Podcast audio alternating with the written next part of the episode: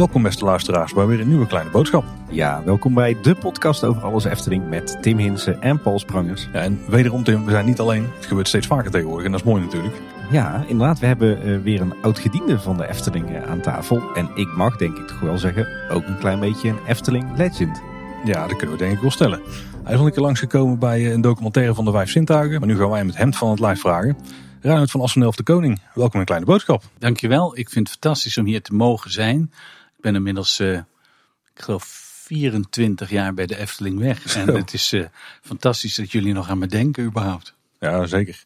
Nou, in een hele interessante periode van Efteling ben je heel vaak langsgekomen. Um, even korte statistieken. Ik kwam binnen als uh, hoofd commerciële zaken. En na 6,5 jaar vertrok ik als commercieel directeur. Ja. Ja, dan hebben we het over begin jaren 90. Dat uh, was een beetje toen mijn liefde voor uh, de Efteling ook opbloeide. Dus uh, de naam Reinoud van Assendelft, ja, dat was ook wel een beetje de jeugdheld van mij. Hoor. Naast natuurlijk bekende namen als Paul Beck en Ton van der Ven en Lex Lemmens. Dus ik vind het ook een enorme eer om jou hier aan tafel te hebben zitten, Reinoud. Dankjewel. Ja, mooie periode van de Efteling inderdaad. Maar voordat we dan over de Efteling zelf gaan praten, wat is jouw achtergrond voordat je bij de Efteling terecht kwam? Ik kom uh, oorspronkelijk uit Den Haag. Uh, daar heb ik de eerste 18 jaar van mijn uh, leven gewoond. ben daarna naar Amsterdam gegaan. Ik wilde eigenlijk naar de toneelschool, maar ik ben gestraald in het laatste fase van de audities daarvoor. En toen zeiden ze tegen mij van, goh, wij gaan je hier niet aannemen, maar uh, je schrijft ook liedjes en je speelt ook gitaar en je zingt ook een beetje. Zou de Kleinkunstacademie niks voor jou zijn? Nou, daar waren de audities een week later. En toen heb ik de auditie gedaan. En daar hadden nog 200 mensen auditie gedaan. En we zijn toen met een klas van 10 personen zijn we uh, begonnen. Ik werd aangenomen. Daar was er heel blij mee. Uh, en met z'n tienen begonnen en met z'n vieren uiteindelijk eindexamen gedaan. Ja, want je hebt een paar foto's meegenomen. Ik zie, je had ook een foto laten zien waar je dan samen met Benny Nijman op stond tijdens een optreden zo te zien. Ja, dat is een, eh, een rock and roll programma wat uh, de Kleinkunstacademie gemaakt heeft. Ik zat toen in het uh, derde jaar. Benny zat in het vierde jaar. En dat was een ongelooflijk leuk programma. En het bijzondere daarvan was dat er, het werd helemaal begeleid door een orkestband. En die was gemaakt door Koen van Vrijbergen, de koning. En die zat ook op de Kleinkunstacademie. En Koen, dat was de zoon van een acteur, Kruis Voorberg. Toen een hele beroemde acteur. En Koen die heeft dat allemaal gemaakt. was een ontzettend muzikale jongen. Ik heb later nog met hem samen in een theatergroepje gewerkt en gezeten. En um, ja, hij is helaas uh, heel vroeg overleden op zijn 47ste. Hij uh, is bekend geworden, eigenlijk het meest bekend geworden, door zijn rol als uh, Johnny Flodder in de televisieserie van ah, Flodder. Ja, die ja. kennen we wel. Ja. Dit lijkt qua carrière flink aantal stappen nog verwijderd te zijn van commercieel directeur bij de Efteling. ja, mijn zoon die zegt wel eens, als je het nu nog een keer zou moeten doen, zou je nooit op die plek terechtkomen. Um, het, is, het is heel veel afhankelijk geweest van toevallige factoren. En het is heel veel uh, afhankelijk geweest van vriendschap en netwerk. En, en uh, ja, ik heb ontzettende mazzel gehad altijd. Omdat ik, uh, als ik, als ik even het, het pad van mijn loopbaan vertel. ik heb dus een Kleinkunstacademie gedaan. Het laatste jaar heb ik gespecialiseerd in theatertechniek en regie. En toen werd ik door de directeur van de Kleinkunstacademie, Johan Verdonen, die was een regisseur van het theaterprogramma van Frans Halsema en Gerard Cox. Dat was op dat moment ongelooflijk populair. En ik mocht assistentregisseur worden. Nou, dat stelde allemaal niks voor. Het enige wat je deed was requisieten voor de show kopen en teksten uittypen en dergelijke dingen. En drie weken voor de première, um, toen hoorde Frans Halsema dat ik ook theatertechniek had gedaan. En die vroeg of ik, zolang de show in Amsterdam stond, of ik dan hun uh, techniek wilde doen. Nou, dat gaf mij de mogelijkheid om overdag de opleiding af te maken en s'avonds dan die, die voorstelling bij te wonen. En uiteindelijk ben ik daar drie jaar bij die mannen gebleven. Uh, dat, uh, ja, we zijn overal geweest. We hebben een tournee over uh, de hele wereld gemaakt. We hebben een tournee naar Amerika gemaakt, naar Nederlandse clubs, naar Indonesië, naar Brunei.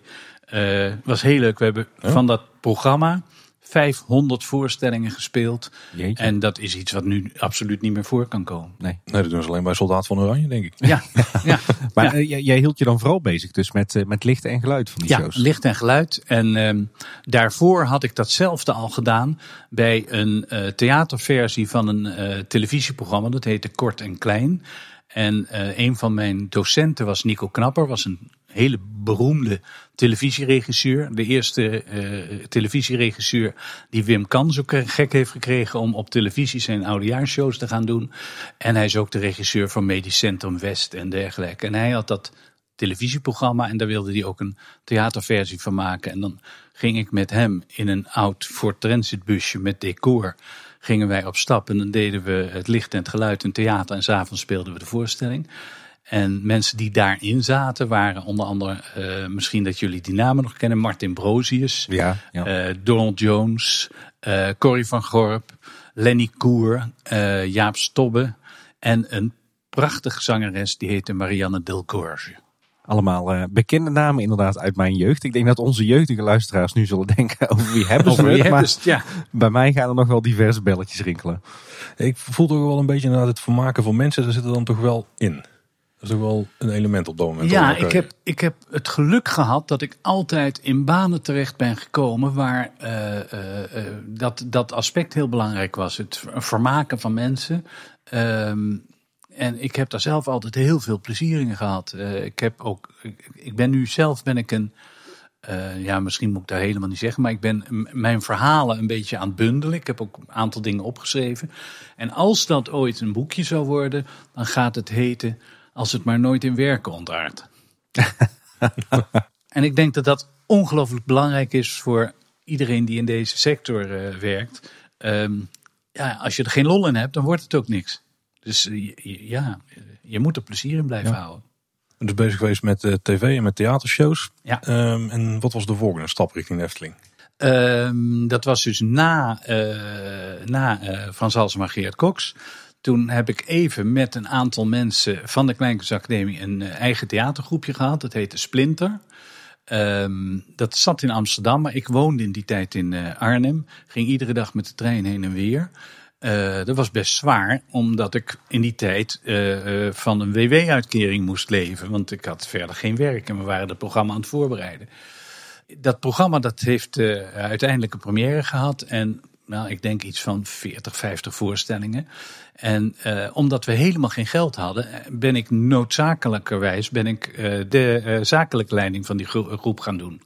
Nou, dat betekent dat je met theaters in, in onderhandelingen gaat. Betekent dat je wat met publiciteit gaat doen. Betekent dat je wat aan coaching van mensen gaat doen en dergelijke. En gaandeweg kwam ik erachter dat ik als uitvoerend artiest misschien op het tweede of derde niveau mee zou kunnen. Eh, maar dat wilde ik niet. En dat andere was ik gewoon veel beter in. Dus dat heb ik toen gedaan. Dus het was Splinter. Ehm, en op een gegeven moment zag ik in de Arnhemse krant een eh, advertentie staan voor een directieassistent in de Schouwburg in Arnhem. Daar heb ik op gesolliciteerd met nog 150 andere mensen. Daar ben ik tot de laatste drie gekomen en toen afgevallen. En toen dacht ik, ja, jammer. En twee weken later werd ik gebeld door de directeur van die schouwburg. En die zei, goh, in, in Nijmegen speelt een soortgelijke procedure. Mag ik jou daarvoor voordragen? Ja, heel graag natuurlijk. En toen ben ik in Nijmegen ben ik, eh, uiteindelijk eh, directieassistent geworden van de Schouwburg in Nijmegen. Daar kregen we na een paar jaar kregen we het Concertgebouw, de vereniging in Nijmegen erbij. Eh, en ik ben daar uiteindelijk elf jaar gebleven. Ik werd na een paar jaar werd ik adjunct-directeur daar.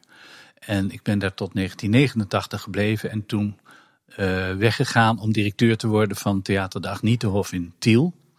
Daar werd ik binnengehaald om eh, de renovatie van dat theater, wat 20 jaar oud was, een beetje te doen.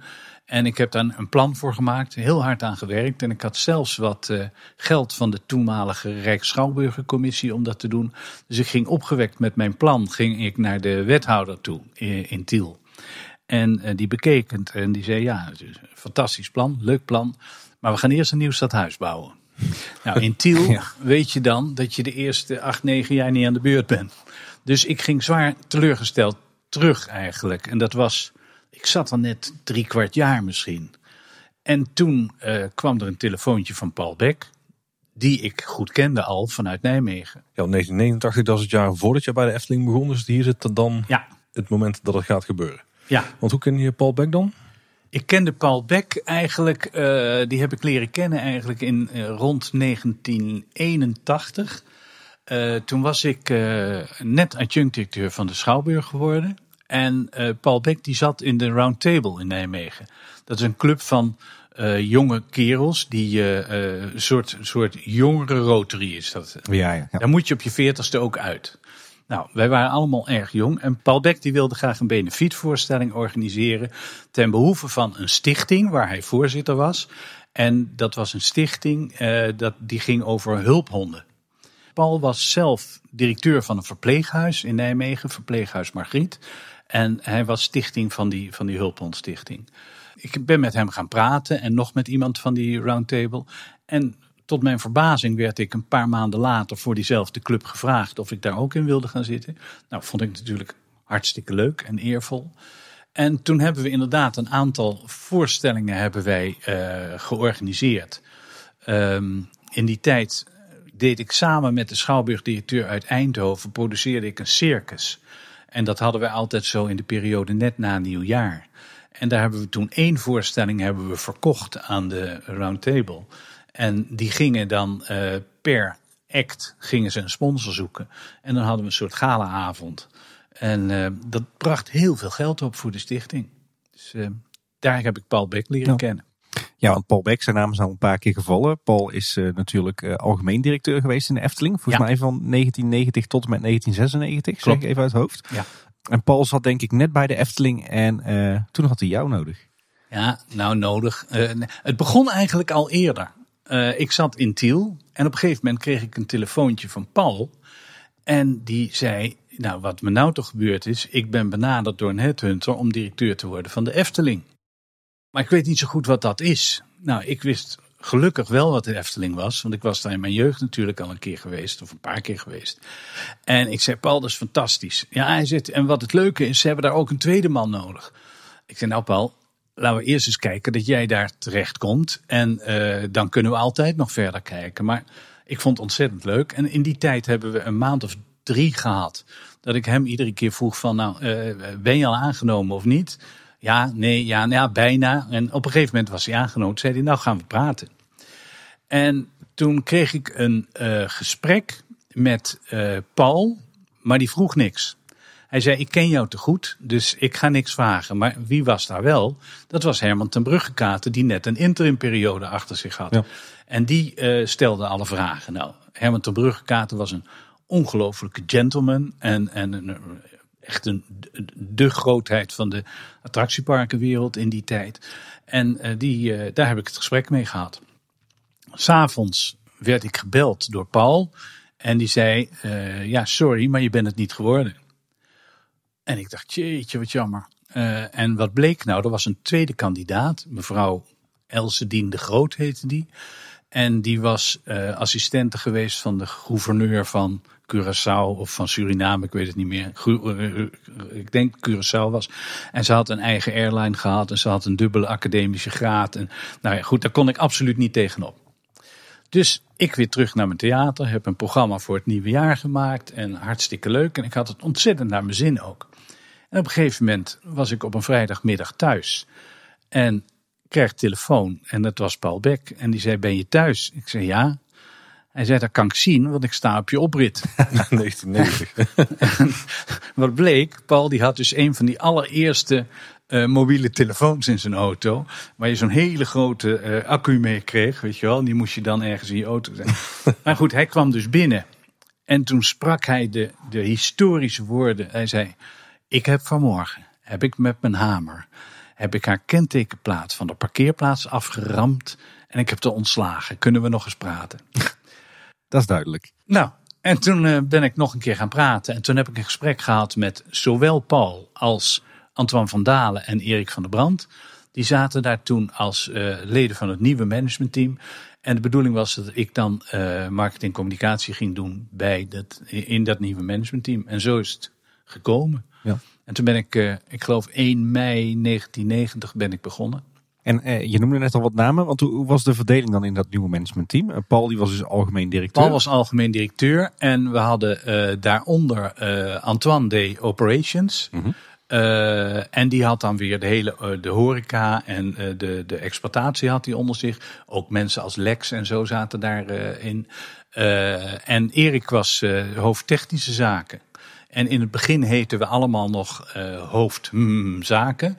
Eh, en dat is na een jaar, anderhalf jaar, werden wij eh, alle drie eigenlijk, want inmiddels was Pier Holtrop erbij gekomen, werden wij alle drie adjunct-directeur. Reinhard, je kwam dus bij de Efteling terecht als, als nieuw directielid. Je was dus eigenlijk de rechterhand van Paul Beck, maar je was ook bevriend met, met Paul Beck. Dat, dat doet mij heel erg denken aan iets wat ik laatst heb gezien in de Imagineering Story, namelijk Michael Eisner. Eh, de, de, de grote man van, eh, van de Walt Disney Company. Eh, die had lange tijd een rechterhand, Frank Wells. Of dat waren eigenlijk het- mekaars evenknieën. Hè? Eh, Michael Eisner was vooral van het creatieve en Frank Wells van het, het, het, economische, het financiële. En, zij pakten alles samen aan als een soort twee-eenheid. Dat was ook hun kracht. Was jouw band met, met Paul Beck ook, ook zo? Nou, je, je zegt wel dat ik binnenkwam en ook een vriend van Paul was. En dat was ook zo. Maar we hebben, eh, voordat ik dus echt eh, aangenomen werd, of misschien net na nadat ik aangenomen werd, hebben wij een heel duidelijk gesprek gehad samen. Waarin Paul dus heel duidelijk zei: van luister, wij zijn goed bevriend. Maar eh, vanaf nu ben ik gewoon algemeen directeur van de Efteling. En jij bent een lid van mijn team. Dus dat betekent niet dat je in een vriendschap die je hebt, dat je automatisch ehm, ja, voorgetrokken wordt of meer credit krijgt of weet ik veel wat allemaal. Eh, nee, dat was, eh, iedereen was gelijk. En daar ben ik heel blij bij om, want we hebben best ook in die tijd hebben we een paar keer een confrontatie gehad. Eh, en dat werd gewoon dan op, op zakelijke argumenten werd dat uitgepraat. Je kwam dus in mei 1990 eh, terecht bij de Efteling. Het Lavelaar was volgens mij net geopend toen. Ja. Wat, wat trof je toen aan? Hoe, waren jouw eerste weken, jouw eerste maanden bij de Efteling? En dat begon eigenlijk al een beetje van tevoren, voordat ik bij de Efteling kwam. Toen kwamen er een heleboel mensen naar me toe uit mijn eigen omgeving. En die zeiden, waar ga je in vredesnaam aan beginnen? Want eh, de Efteling had op dat moment net die Cosmo Science eh, eh, tentoonstelling achter de rug. En had nog maar 1,9 miljoen bezoekers. En iedereen zei van het is nu 1990, in 92 gaat Disney open eh, en dan is er geen Efteling meer. Nee. En eh, eh, ik heb toen ook een hele nacht eigenlijk wakker gelegen met het idee van moet ik dat wel doen? Want ik ging van non-profit naar profit. In het achterhoofd die Disney-situatie. Ik wist ook niet hoe mijn relatie met Paul en de anderen, hoe dat zich in een werksituatie zou omzetten. Dus ik heb daar na- een nacht wakker van gelegen en om een uur of drie s'nachts. Toen liet ik een aantal mensen eh, gewoon in, in mijn gedachten de revue passeren. En toen dacht ik, nou, als die het zou kunnen en die het zou kunnen en die het zou kunnen, dan kan ik het zeker. En toen heb ik het ook maar gedaan. Ja, want je was dus heel erg aan het twijfelen of dat je bij de Efteling aan de gang wilde. Heb je dan van tevoren nog met mensen contact gehad? Eh, ja, Ehm, in de eerste plaats werd ik natuurlijk werd ik uitgenodigd om een keer als toehoorder in zo'n managementteamvergadering te zitten. Daar heb ik de notulen nog van, eh, van bewaard. En eh, Paul zei op een gegeven moment, toen ik daar op kantoor was: Weet je wat, je moet even kennis ma- maken met Olaf Vught. En eh, Olaf Vught is ook van jouw afdeling. Dus ik ga naar Olaf toe. En Olaf had in die periode had hij net een Porsche te leen. Omdat eh, Porsche een eh, opname had gemaakt op de Python Oh, eh, ja. commercial. Ja. En, Olaf had zo'n Porsche te leen. En wij zijn samen toen naar Loon op Zand gereden. En toen vroeg ik aan Olaf: Olaf, wat, wat doe jij eigenlijk hier bij de Efteling? En toen zei hij: Ik ben marketing communicatiemanager. En toen dacht ik, ja, maar wacht even, daar kom ik dus nou voor binnen. En wat bleek, Olaf was een tijd weg geweest bij de Efteling, was bij Hellendoorn gaan werken en was door Paul teruggehaald na het vertrek van Kees Kikstra. En eh, Olaf, die had dus eigenlijk een afdeling die, die heel erg verbrokkeld was, had hij weer opgebouwd. Ik zeg altijd, Olaf heeft eh, de scherven van de vaas eh, weer keurig aan elkaar geplakt. En werd er toen mee geconfronteerd dat ik de bloemen in de, in, de, in de vaas mocht zetten. En dat was voor hem natuurlijk absoluut niet leuk. Dus in het begin was het ook best moeilijk. eh, toen ik eenmaal begonnen was. En ik weet nog heel goed, toen, toen ik een een week of zes binnen was, toen werd ik s'avonds een keer gebeld door Paul. En die zei, je hebt een probleem. Ik zeg, wat is er dan? Ja, er zijn twee mensen van jouw afdeling geweest die naar me toe zijn gekomen dat het helemaal niks is met jou. En daar schrok ik natuurlijk enorm van. En ehm, toen heb ik de volgende dag uh, heb ik, met twee mensen van mijn afdeling heb ik een gesprek gehad. En toen hebben we ook heel duidelijk afgesproken. En een van de twee was Olaf, en waar ik heel goed mee op kon schieten. En, maar we hebben heel duidelijk afgesproken dat hij zich zou concentreren op het marketinggedeelte en de sales. En ik zou me veel meer op de communicatie en PR, ja, en, en zeg maar de, de uh, woordvoerder van de Efteling zou ik me storten. En dat hebben we toen volgehouden en dat hebben we altijd zo keurig kunnen doen. En het was heel leuk ook om zo te werken. Reinhard, je vertelde net al dat toen je richting de Efteling ging, dat, dat het heel spannend werd, want Euro Disney kwam eraan. Ja. ik kan me indenken, zeker als, als commercieel directeur op dat moment, dat, dat die komst van Disney naar, naar Europa, dat het best wel even spannend was voor jullie.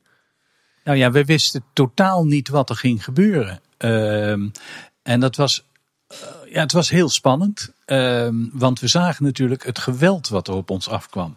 Maar we zagen ook de kansen. Want wij waren als Efteling waren wij zeg maar, de, de uh, vorige uh, marktleider in Europa eigenlijk. Hè? Hoogste aantal bezoekers en dergelijke. Maar er waren een paar soortgelijke parken.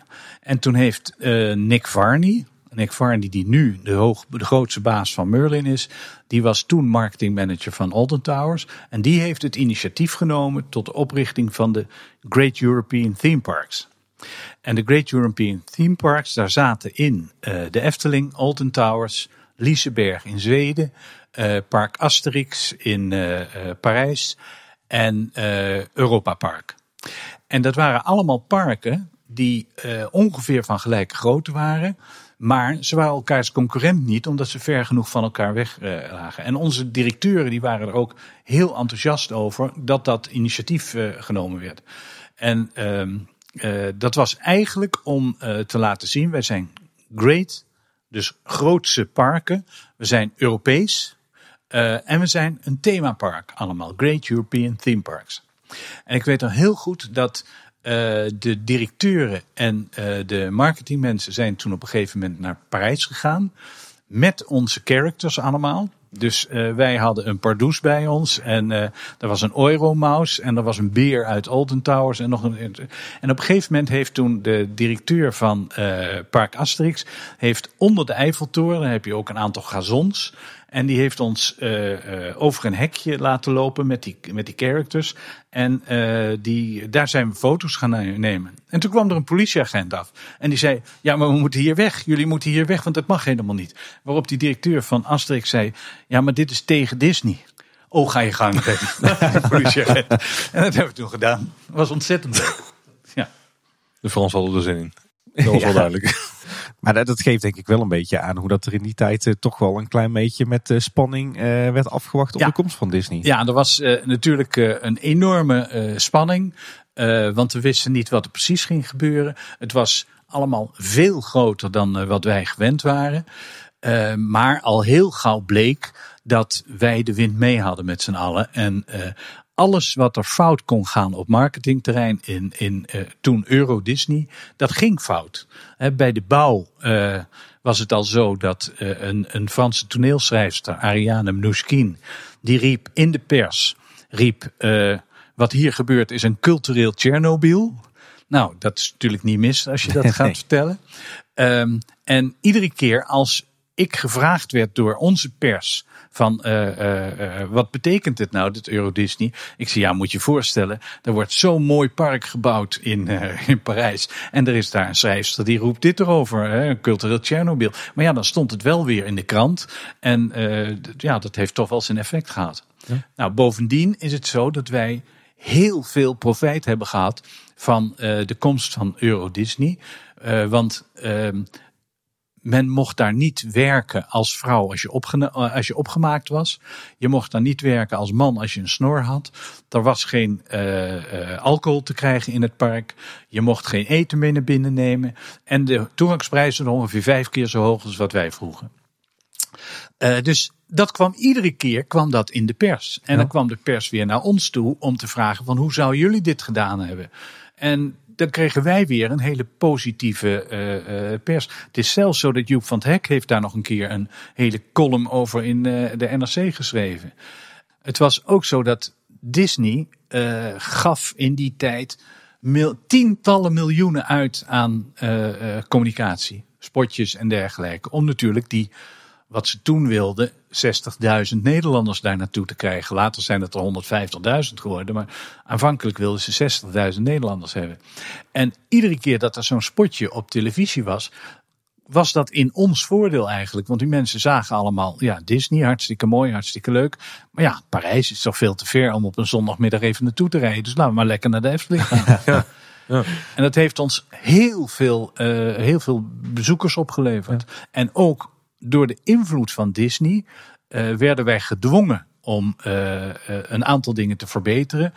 De opleiding van het personeel, de kwaliteit van de merchandise, de horeca en dergelijke. Met het gevolg dat wij meer, gingen, meer inkomsten gingen krijgen en ook onze toegangsprijzen weer een beetje konden verhogen. Ja, dus zo hebben jullie eigenlijk van een grote dreiging eerder een kans weten te maken. Gelukkig wel, ja. Gelukkig wel. En ehm, ja, er zijn talloze verhalen hoe dat gegaan is. Ik heb ooit eens een keer, was er door de eh, Brabantse werkgeversorganisatie een avond georganiseerd in het Efteling Hotel notabene. Ehm, en toen kwam iemand van Disney kwam daar een heel verhaal houden hoe dat allemaal zou worden. En ze, ze, ze hadden een, een foldertje gemaakt met Mickey met bokshandschoenen tegen de Efteling eh, eh, aan. en ik was na de pauze, moest ik een verhaal houden. En toen heb ik daar het, eh, het verhaal van het volk van Laaf verteld. Ja, en het eind van de avond ging iedereen met een heel leuk Efteling gevoel naar huis. Mooi is dat, ja. Ja, Ja, want eh, het Lavelaar dat was net open eh, toen jij bij de Efteling eh, kwam. En eigenlijk de eerste nieuwe attractie die onder jouw bewind, tussen aanhalingstekens, werd ontwikkeld, is volgens mij de Pegasus geweest, hè? Ja, ja alhoewel dat was ehm, eh, iets wat ontwikkeld was door Ton en Lex en Antoine eigenlijk. Eh, er was behoefte aan een houten achtbaan en Lex had een fantastische ontwerper, Curtis Summer. Ja, die, eh, die was de ontwerper. Eh, ik heb dus verder met de attractie niet veel te doen gehad. Eh, ik heb ook niet aan hoeven geven van we hebben eigenlijk dat en dat nodig. Maar we hebben wel de, de, de, de hele publiciteit eromheen hebben we gemaakt. Ja. En dat was leuk. En het- Laaf was e- de eerste voor mij, maar die was al af. Ik heb alleen het openingsfeest mogen mee organiseren. Eh, en eigenlijk, de Efteling heeft een traditie van eh, openingsfeesten die mislopen. Ja, dat kun je ja. ja, in de voorbereiding. Bij, bij de opening van de Fata Morgana is de eh, kabel eraf gelopen en dreigde de toenmalige, ik geloof dat die secretaris-generaal van de NAVO was, meneer Luns. Die dreigde weg te lopen omdat de speech van de directeur te lang was. Eh, dat was toen. Eh, bij Laaf was het, dat was, eh, ja, was echt heel naar. Dat op de avond dat wij het openingsfeest hadden, kreeg de vrouw van Paul Black kreeg een, een miskraam. En bij de openingsfeest van de Pegasus, daar hadden we een prachtig buffet georganiseerd en weet ik veel wat allemaal. En in de openingsrit werd gedaan door toenmalig eh, privéjournalist van de Telegraaf, Henk van der Meijden. Samen met onze president-commissaris, meneer Van Dommelen. En in de eerste rit bleek dat ding eh, te blijven steken op het hoogste punt. En toen begon er een enorm onweer los te barsten. En die zijn zeiknat geregend, die twee. En het was gevaarlijk ook, hè? Als je bovenin een achtbaan zit en het gaat onweer. Ja, en eh, de- daar zullen we zo meteen wel komen. Maar de opening van Droomvlucht ging Oh, natuurlijk ook niet helemaal van fantastisch. het lijndak. Ja, die was ook fantastisch, ja. Zeg, jij, jij, je hebt er begrijpelijkerwijs als commercieel directeur eh, minder van doen met, met, met echt de, de technische ontwikkeling van, eh, van attracties. Maar ik kan me wel voorstellen dat eh, je bijvoorbeeld heel erg betrokken was bij de, de hele ontwikkeling rond Pardoes in de begin jaren negentig. Ja, dat vraag je ook niet helemaal zomaar. Toen ik binnenkwam, toen zag ik eh, Pardoes, de, ja, de, eerste, eh, de eerste uitgave van Pardoes, zeg maar. En daar was ik niet blij mee. Ehm, en ik heb een aantal dingen heb ik, proberen te veranderen toen ik binnenkwam.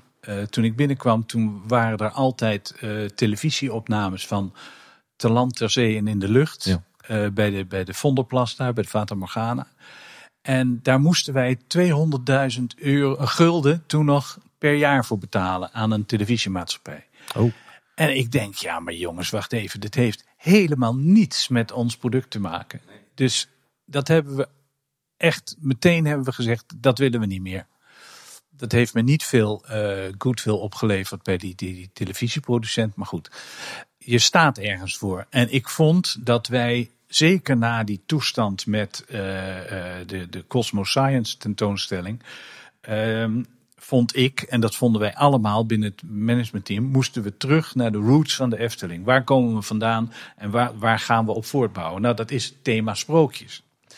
Um, het tweede wat ik gedaan heb, is, uh, is eigenlijk in de eerste twee, drie weken al geweest, dat ik heb gezegd, jongens, waar komt dat vreselijke woord pretpark toch vandaan?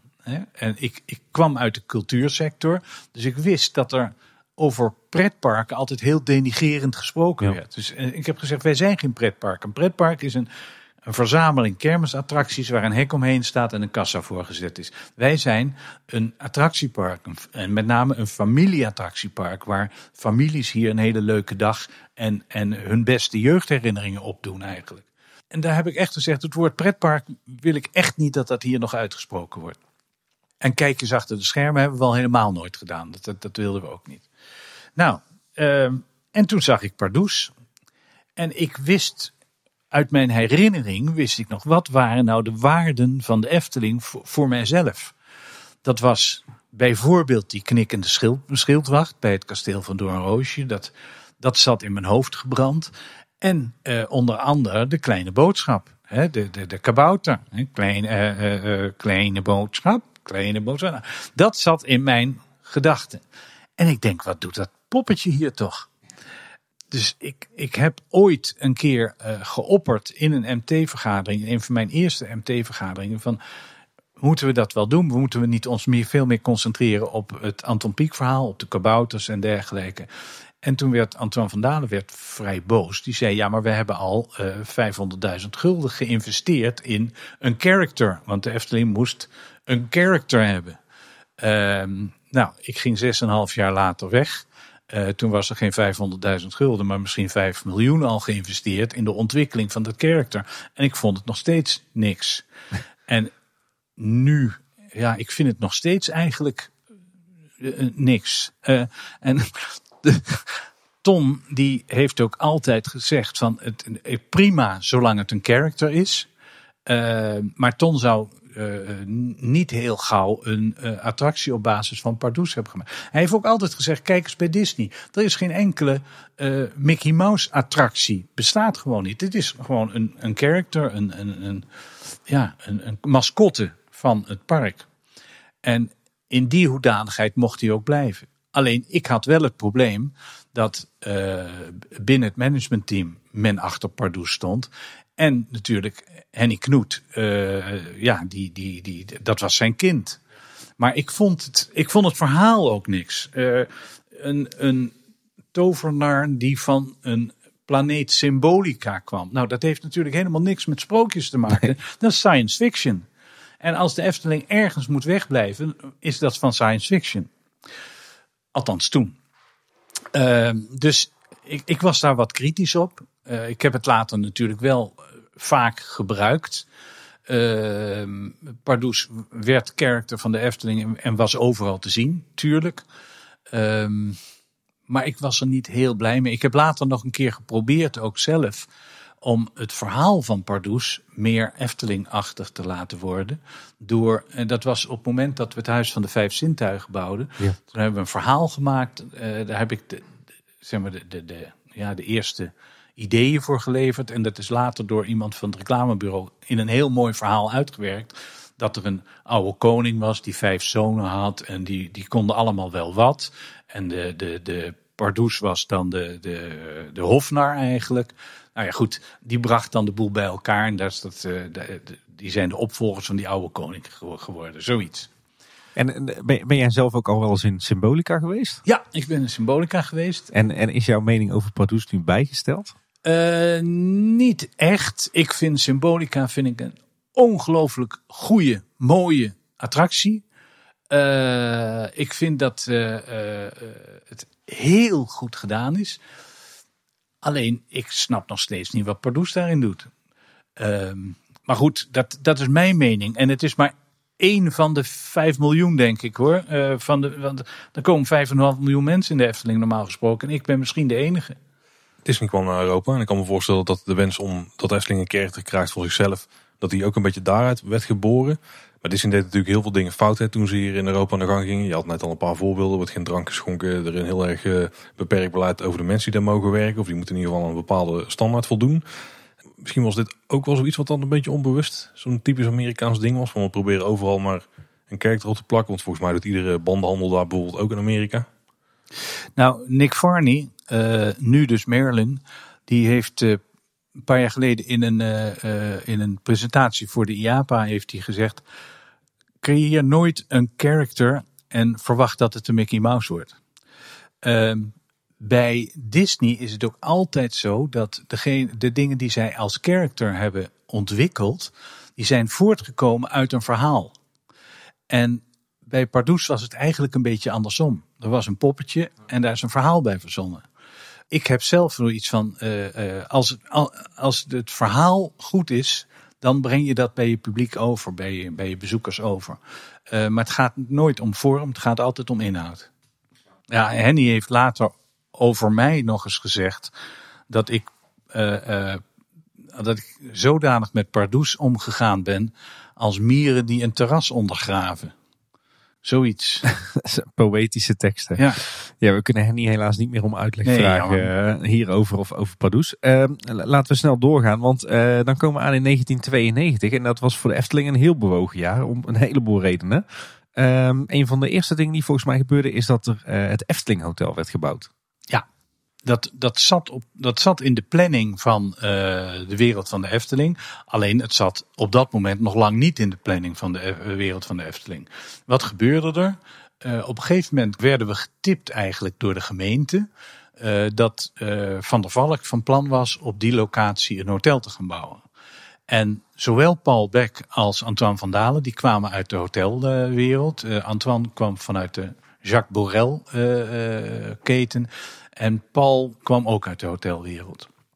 En die zei allebei van dit, dit mag niet, het gaat niet gebeuren. Dus toen hebben ze die ontwikkeling hebben ze naar voren gehaald.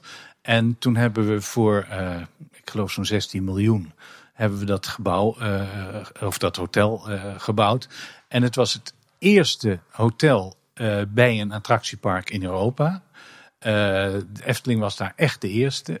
En het was ook nog een keer uh, een, met een grote mate van thematisering erin.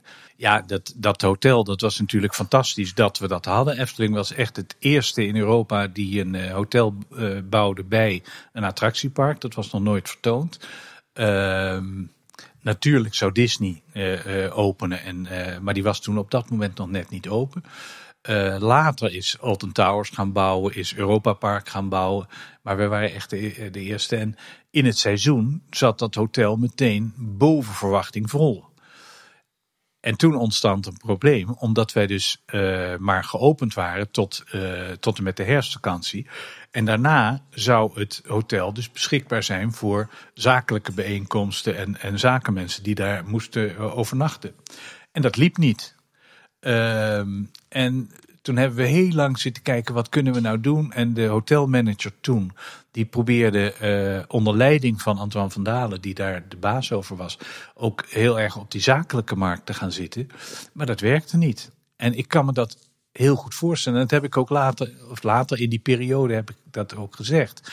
Van jongens, als je een themahotel bouwt en iedereen weet dat dat een gethematiseerd hotel is, dan verwacht je dat ook. Dan verwacht je dat niet alleen in het seizoen, maar ook daarbuiten. Als ik een, ergens een kersthotel bouw, dan verwacht ik altijd dat dat in de sfeer van kerst is. Als ik een Playboy hotel bouw, verwacht ik altijd dat dat in de sfeer van Playboy is. En niet de helft van het jaar zakelijk en dan de, rest van het jaar in het thema. Dus, en dat is later is dat gewoon ook uh, mede door de winteropening en de uh, jaarrondopening is het natuurlijk helemaal goed gekomen.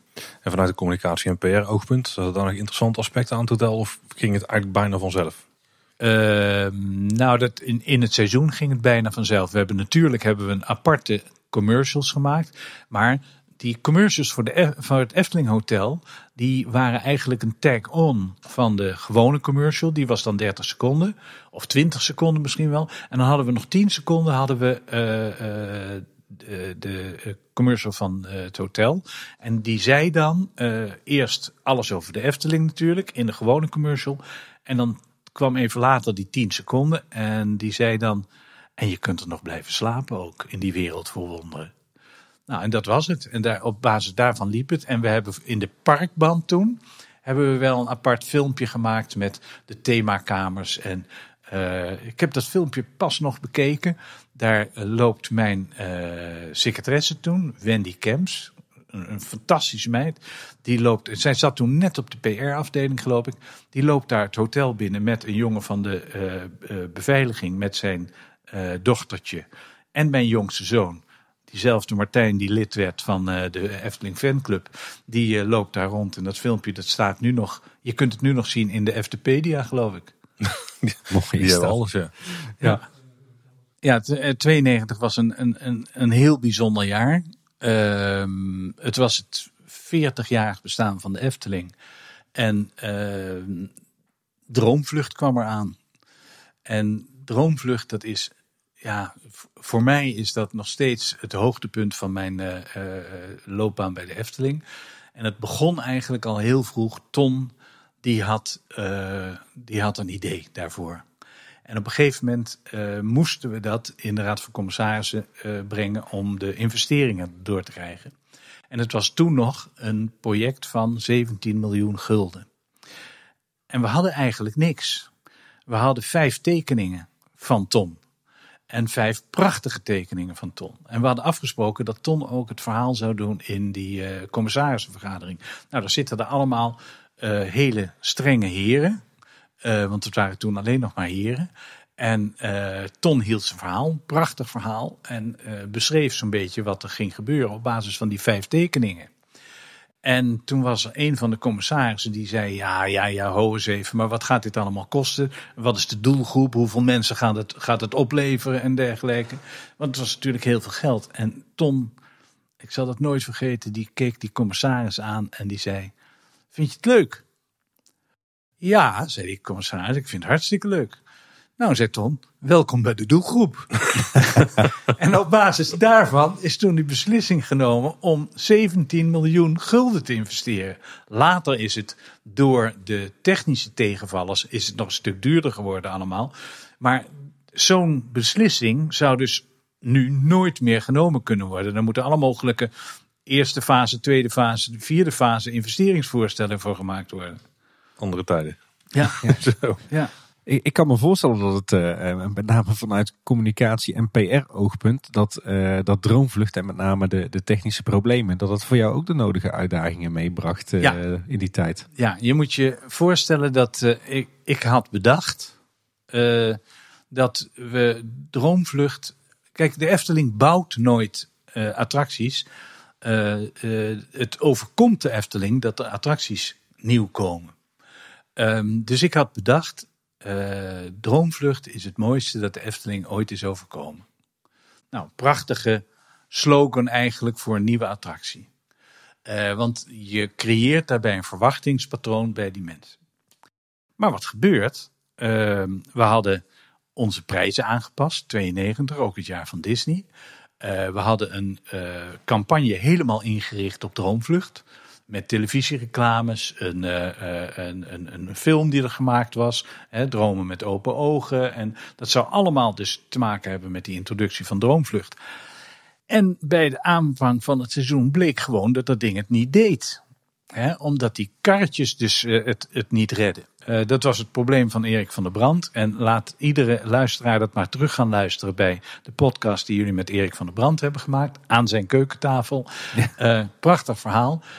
Maar daar had ik niet zo veel verstand van. Ik wist alleen dat ik iedere dag gebeld werd. Of door de radio of door kranten. Van wanneer gaat dat ding open?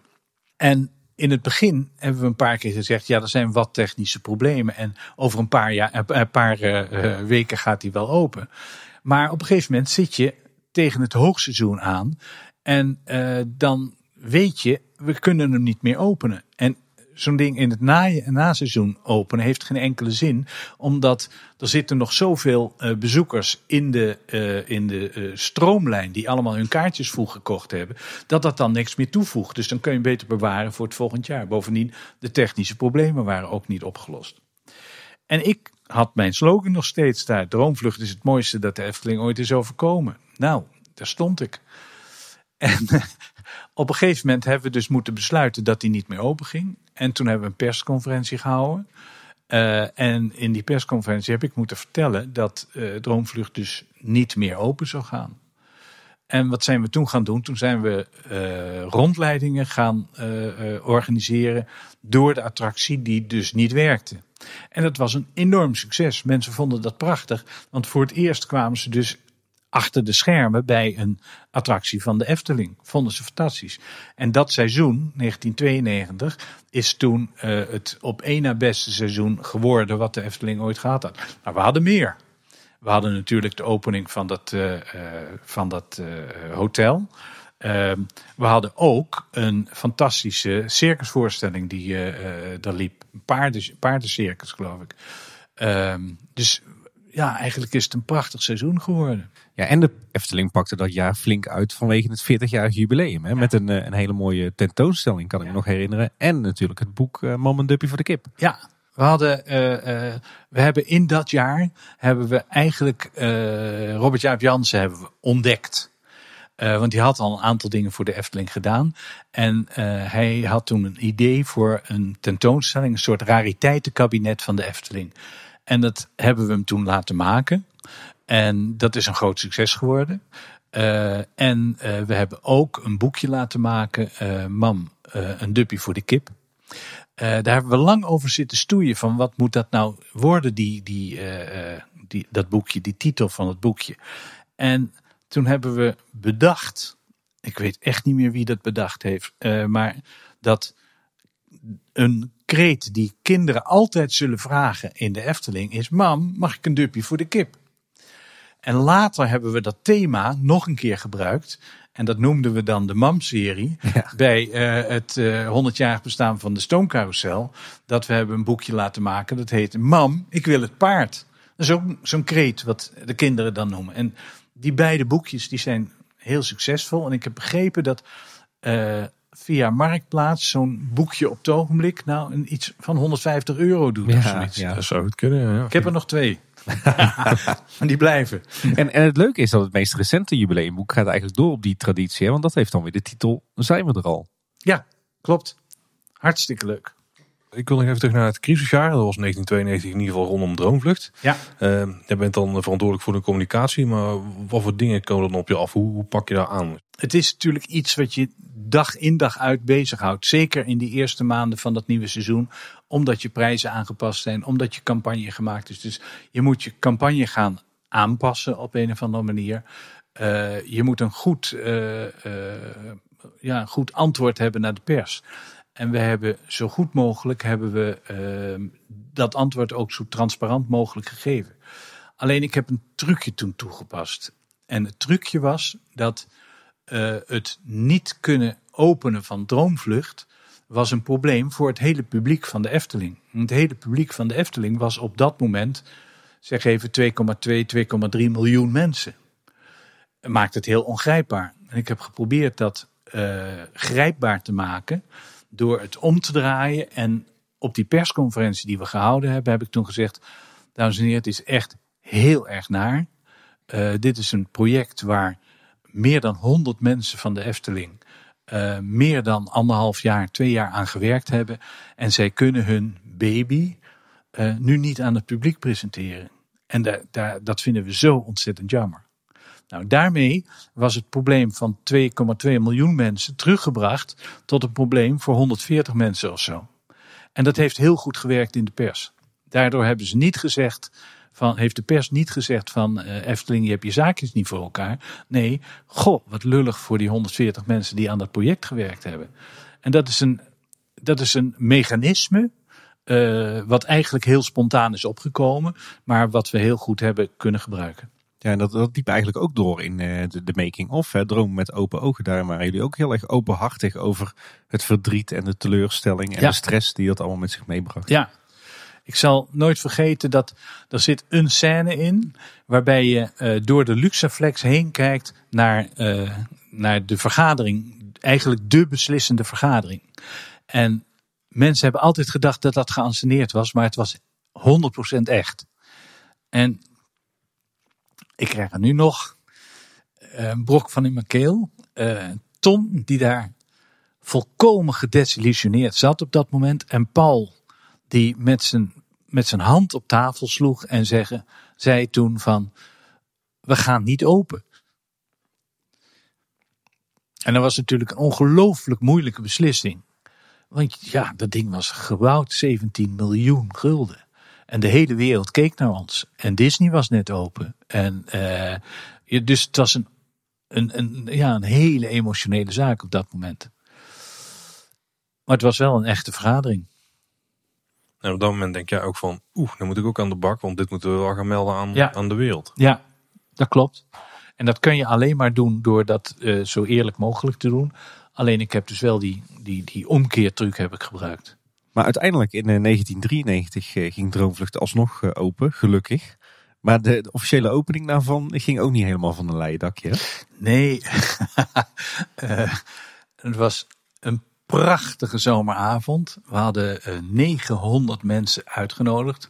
Je moet je voorstellen dat in die tijd de Efteling feesten, openingsfeesten, die waren nou zeg maar wereldberoemd. Eh, dan pakte de Efteling echt enorm uit. En wij hadden op die avond hadden we ook eh, alle mogelijke acts. We zouden een vuurwerk doen. Er zou een enorm eh, bu- buffet zijn. Met naderhand nog een ijsbuffet. En het was allemaal perfect geregeld. Ehm, en wat gebeurt? We hadden op een gegeven moment kregen we door via de vliegbasis. Marie van Heumen stond altijd in, in, in eh, contact met de vliegbasis. Dat er een onweer aan zou komen. En ehm, wat gebeurde er? Eh, we hebben toen het programma omgegooid. Zodat we eerst eh, de mensen door de attractie heen zouden gaan. En dan eh, het ijsbuffet zouden doen. En het vuurwerk zou niet op het eind zijn. Maar hebben we naar voren gehaald om het onweer niet dwars te zitten, zeg maar. Goed, dus er staan 900 mensen die wel wat gegeten hadden allemaal en lekker gedronken hadden. Die staan daar allemaal te kijken naar de opening van Droomvlucht. Het vuurwerk begint en een van die vuurpijlen die schiet in de nok van de opening van Droomvlucht. En het begint te fikken daar. Een attractie waar we dus een jaar op gewacht hadden. Eh, die eh, ongelooflijk veel geld gekost. En die dreigde daar in de fik te vliegen. Dus, eh, en dan, dan zie je dus hoe de Efteling werkt. We hadden toen, Jan Kraakman was toen hoofd van de veiligheidsdienst en Marie van Heumen.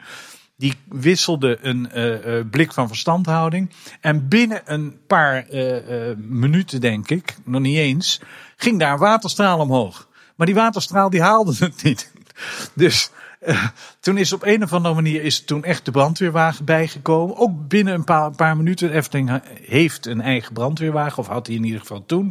En die haalden het wel. En toen werd het vuur gedoofd. Maar die ingangspoort, die lag natuurlijk toen bezaaid met alle mogelijke roetdelen. En, de, en, en zeiknat allemaal, want er was dat water ook terechtgekomen. Dus toen hebben we de mensen eh, alsnog de attractie binnengeleid via het eh, horecapuntje en het winkeltje. En zo konden ze dan naar midden toe. En dat was de, de avond van de opening van Droomvlucht. Ik heb die avond in. eh, ik mocht hem presenteren. En ik heb dat in nachtgewaad met een slaapmuts op heb ik dat gedaan. En eh was heel erg leuk. Ja. Ik kan me voorstellen dat je de opening van Pegasus hebt gehad. Ja. En dan denk je, oh, onweer, daar moeten we toch wel iets mee doen. Dan moeten we even anticiperen. En Ja. dan gooi je het om. Ja. En dan kom je alsnog in het probleem. Ja, en ongelooflijk dat er dus echt op beide avonden, bij de openingsavond ineens zo'n enorm onweer losbarst. Ja. Dat, ja, ik, ik, bij Pegasus, ik hoor het Robert Jaap, die daar als Zeus, de oppergod, stond. Die, die zei toen, Hefteling, ik schenk u Pegasus.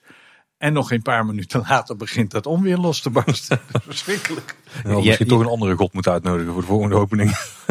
Je hebt nooit gedacht, ik ga, ik ga echt geen officiële openingen meer doen, want het draait iedere keer op ellende uit. Nou, we hebben daarna, in, in mijn tijd, hebben we nooit meer een grote opening gehad. We hadden het nog met Villa Volta kunnen doen bijvoorbeeld. Maar dat is niet gebeurd toen. Maar dit was voor jou dus een, eh, een behoorlijk staaltje crisiscommunicatie. Ja, crisiscommunicatie. Ehm, Maar eh, ja, crisiscommunicatie is ook een heel erg belangrijk onderdeel van wat je eh, in zo'n functie, in zo'n park moet doen. Want je praat dus over miljoenen mensen die eh, ieder jaar naar je park toe komen. En daar kan altijd wat fout gaan. En wat doe je dan? Nou, dat hebben we dus ook een aantal keren hebben we behoorlijke oefeningen gedaan van stel er gaat iets fout in het park. We hebben wel eens gehad, er is brand bij de Fata Morgana bijvoorbeeld. En dan werk je met van die lotusslachtoffers die dan door de veiligheidsdienst en door de E EHBO eh, verzorgd worden. Maar wij hadden eh, het kantoor van Paul Beck hadden wij helemaal ingericht als het crisiscentrum. Eh, dus ik had aparte telefoonlijnen had ik vrij laten maken. Eh, we- hadden een woordvoerder benoemd. Want je moet altijd zorgen dat er een woordvoerder is die ervaring heeft met eh, het omgaan met de media. Maar het mag weer niet de algemeen directeur zijn. Want die algemeen directeur die moet in staat zijn om de woordvoerder nog een keer te overrulen. Dus eh, dat was allemaal geregeld. Eh, en wat gebeurt? Het was natuurlijk georganiseerd in samenwerking met de gemeente. En wij zaten in dat crisiscentrum met z'n allen. En er gebeurde helemaal niks. En er gebeurde nog niks. En wij dachten, wat is er joh, die gemeente, waarom komt die niet een keer langs? En wat blijkt nou? Dat als er iets gebeurt op zo'n locatie, dan neemt de gemeente gewoon het over.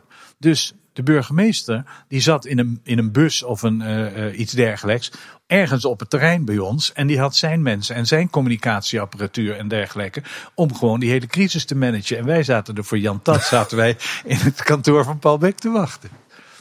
Nou, later is dat wel goed gekomen. Maar dat zijn dus dingen die je, die je moet oefenen. En, ehm, en dat doet de Efteling heel erg goed. Ja, ik heb zelf ook ooit nog eens in mijn tijd eh, dat ik eh, bij de Efteling op kantoor werkte bij zo'nzelfde crisisoefening eh, gezeten. Toen stond Droomvlucht fictief in brand. Eh, wat was ik toen? Volgens mij was ik toen de rechterhand van Erik van der Brand. en toen was juist het probleem dat, eh, dat alles op locatie werd, werd opgelost. En dat het crisisteam van de directie eigenlijk niks hoefde te doen. Want de beveiliging die had het al zo op orde met de brandweer dat, eh, dat we achterover konden leunen. Ja, Dus, nou, dat eh, was bij ons precies hetzelfde toen. Ja. Tijdens die jubileumviering hadden we nog een paar andere dingen. We hadden door het hele park hadden we fantastische fotoborden staan. Die Robert Oh ja, Jaap ook ja. gemaakt hadden. Eh, we hadden ehm, eh, ook afgesproken dat eh, een aantal medewerkers of een aantal ja, medewerkers die mochten mensen iets extra's eh, geven. Dus als je net eh, half groen uit een rondje Python gekomen was, dan mocht zo iemand aan de attractie vragen van wil je misschien nog een keer? Of eh, we hadden net een poffertjeskraam van mag ik u een kopje koffie aanbieden en wilt u misschien poffertjes of zo? Als je dat een aantal keren doet per dag, dat praat zich heel snel rond en dat vinden mensen fantastisch. Dus dat soort dingen hadden we al. Alleen we hadden een klein communicatiefoutje gemaakt. Iedereen had een badge van de Efteling. En daar stond op: eh, Mag ik een wondertje voor u doen? En het is regelmatig voorgekomen dat iemand van de, eh, van de dames in, in het park vroegen aan mensen: van, Mag ik een wondertje voor u doen? En dat dan een niet zo nette meneer zei: Jawel, maar laten we dat dan even achter de bosjes gaan doen. En eh, dat hebben we vrij snel hebben we dat weer teruggetrokken. Dat mag ik een wondertje voor u doen.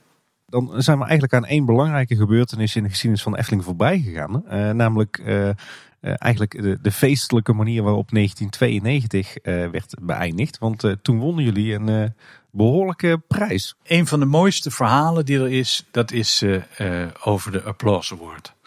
Ehm, toen ik net bij de Efteling kwam, was dus in mei 1990.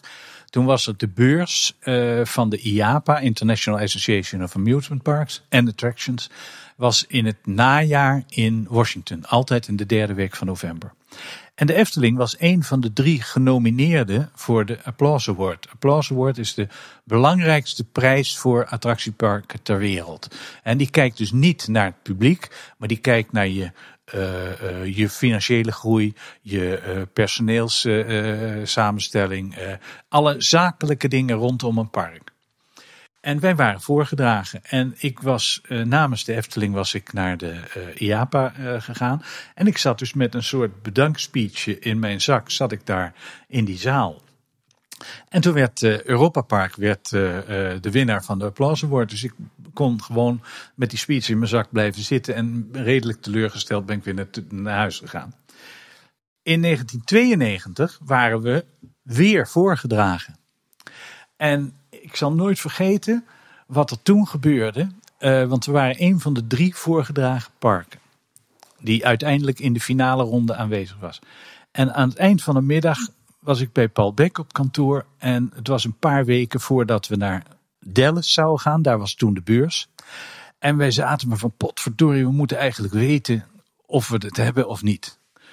En Paul zei op een gegeven moment, weet je wat, ik bel gewoon de uh, president van de JAPA op. Dat was op dat moment was dat Bo Kintorp. En Bo Kintorp was de baas van Liseberg in Zweden. En Paul belt smiddags om vier uur op een middag Bo Kientorp op. En Paul zegt, ja, maar ik wil heel graag weten uh, of wij nou uh, die uh, hebben gewonnen. Ja, zegt Bo, maar dat kan ik dus helemaal niet vertellen, want ik ben president van de JAPA, dus dat mag ik helemaal niet vertellen. Waarop Paul zei, ja, maar luister eens, als wij het niet hebben gewonnen, ik heb op die dag heb ik een commissarissenvergadering en dan kom ik gewoon niet naar de beurs toe in Dallas. Uh, dus, uh, en bovendien zegt hij, als wij niet nummer 1 zijn, dan trek ik me terug. Dan doet de Efteling niet mee hier. Dus zeg mij alleen maar of ik het heb of niet. Waarop Bo Kientorp zei, Paul, ik zou maar een ticket kopen. Nou, op dat moment wisten wij dat we hem zouden krijgen. Zonder dat hij echt iets gezegd had. Ja. En toen heb ik met uh, Gerard Baars, die uh, uh, hoofd van de Tros televisie was op dat moment. En voor ons met zijn GB-TV ook al wat producties had gemaakt. Hebben we geregeld dat er een satellietverbinding was met Dallas. En s'nachts om drie uur kreeg ik een telefoontje van Paul Beck uit Dallas. En die riep alleen maar het historische woord Bingo! en toen wist ik dat we die uh, hadden. En toen heb ik uh, Karin Koppelmans gebeld, onze hoofd uh, PR toen. en die had net haar verjaardag gevierd. dus dat was vrij laat geworden. En toen heb ik gezegd, nou, ik denk dat wel het goed is als wij allebei heel vroeg in de Efteling zijn vanmorgen. Want Gerard Baars, die had die televisieopname die via die satelliet binnengekomen was, had hij opgevangen. Uh, technisch opgevangen op een band. En die was daarmee achterloos langs de redactie van het journaal gelopen. En zei: Goh, wat leuk, moet je kijken wat er gebeurd is met de Efteling. Die heeft een wereldwijde prijs gewonnen. Nou, met gevolg dat wij om 11 uur s morgens waren we op het radionieuws. Toen heb ik Ton gebeld of Ton kon komen. En Ton zat toen in het RTL-nieuws. En toen ging het heel snel. Toen alle media hebben het toen gehaald. En ja, wij werden dus notabene in het jaar dat Disney geopend werd in Parijs, werd de Efteling benoemd tot, of gekozen tot beste park ter wereld was voor mij ook weer een probleempje. Omdat ik de folders van het nieuwe seizoen, die op dat moment in druk waren, moest ik terughalen om daar dat, dat vignet van uh, uitgeroepen tot beste park ter wereld uh, uh, moesten doen. Daar hebben we later ook nog een probleem mee gekregen, omdat meneer Luffelhart, de eigenaar van Fantasialand, die heeft ons aangevochten. En die zei: luister eens, wat jullie daar doen, beste park ter wereld erop zetten. Uh, dat is vergelijk, vergelijkbare of vergelijkende reclame. En dat mag in Europa niet. Dus die dreigde ons voor de rechter te slepen. Terwijl ze de afgelopen jaren hetzelfde hetzelfde hebben gedaan. Eigenlijk wel, ja. Uh, maar goed, uh, ja, oké. Okay. daar heb ik later ook nog contact over, vorig jaar eigenlijk nog contact over gehad met mevrouw Rekkerstrees van Fantasialand. waar ik een hele goede relatie mee had. En die, want ik moest commentaar geven daarop natuurlijk. En ja, dat is een, een, leuk gesprek geworden. Maar goed, uh, wij hebben toen uiteindelijk hebben we in onze internationale folders hebben we dat terug moeten trekken. Omdat, we, de, omdat zij dus dreigden toen met uh, naar de rechter te stappen. En op een gegeven moment kregen wij dus ook te horen dat we zelfs hun advocatenkosten moesten gaan betalen. Poeh. Ik, je, je, zou toch verwachten dat de verstandhouding tussen de parken onderling wat, wat beter zouden zijn dan dat. Ja, maar in, ja, in die tijd, je moet je voorstellen, het is net de tijd dat iedereen zich heel druk maakt over de concurrentie met Disney. Uh, bovendien, Fantasialand toen zat niet in de Great European Theme Parks, omdat ze te dicht bij, bij ons lagen. Uh, en ook een concurrent van Europa Park waren natuurlijk. Dus die, die verhoudingen, alhoewel op persoonlijk niveau zijn dat hele goede relaties. Maar zakelijk ja, moet je toch uh, heel duidelijk kijken van wie staat nu waar. Is dat trouwens ook de tijd geweest dat, uh, dat jij de urban legend de wereld in hebt geholpen? Dat uh, Walt Disney in de Efteling is geweest om inspiratie op te doen voor zijn uh, park? ik weet niet meer precies wanneer dat geweest is. Ik weet, ik weet dat het gebeurde op een gegeven moment. Het verhaal ging al een tijdje in de Efteling. En ik heb het zelf opgepikt uit de Efteling. En ik vond het natuurlijk heel interessant dat er zoiets gebeurd zou kunnen zijn. Dus ik heb toen op een, uh, op een persconferentie voor de Engelse pers heb ik gezegd ooit uh, van ja, het, en het schijnt dat uh, Walt Disney hier geweest is om toen hij toch al in Europa was, om inspiratie op te doen voor zijn park, wat twee jaar later of drie jaar later open ging eigenlijk. En ehm, tot mijn stomme verbazing zat ik een paar maanden later in een vliegtuig van British Airways. En daar stond in het Flight Magazine stond inderdaad dat Walt Disney dus in de Efteling was geweest om inspiratie op te doen voor zijn park. Dus ja, ik heb dat toen wel in het leven geroepen, denk ik. Zijn er nog meer van die typische urban legends uh, die in jouw tijd uh, de wereld in zijn geholpen uh, en die vaak nog voor waar worden aangezien? Ehm, nou, daar kan ik niet zo een voorbeeld van geven. Ik weet wel bijvoorbeeld dat een verhaal wat in die tijd ook ging, maar dat is nooit in de openbaarheid gekomen, dat bij de, bij de bouw van de Bob, uh, dat op een gegeven moment uh, dat ze stoten op een aantal botten die uh, tijdens de graafwerkzaamheden naar boven kwamen. En ja, wat moet je dan doen? Moet je er de overheid bij halen, weet ik wat. En toen schijnt Mark Terminio, die schijnt daar naartoe gelopen te zijn. En zei, Oh, het zijn hondenbotten. Gaan we gewoon door. Ja. dat soort dingen. Maar goed, dat, maar dat, is nooit, dat zijn nooit verhalen die naar buiten gekomen zijn. Je hebt dan een applauswoord gewonnen. Dan heb je denk ik qua PR heb je gewoon goud in handen. Ja, En daar heb je natuurlijk op de dag zelf is er veel aandacht aan geweest. Het is op de parkfolders gedrukt. Maar heb je daar dan nog meer manieren gebruik van kunnen maken? We hebben het in al onze communicatie hebben we toen meegenomen. Ja. En uh, ik denk dat het nog jarenlang heeft doorgewerkt. Dat mensen wisten dat de Efteling toen uitgeroepen was tot beste park ter wereld. Ja. ja. Hey, uh, jullie zijn door de IAPA uh, uitgeroepen tot uh, beste park ter wereld. Dus heb jij in jouw jaren bij de Efteling nog meer met de IAPA te maken gehad? Ja, ehm, eigenlijk heb ik eigenlijk van 1991, nee, 1992 tot nu toe altijd een hele, een hele hechte band met de IAPA gehad. En het heeft mijn leven ook ontzettend verrijkt dat ik actief mocht zijn voor de JAPA.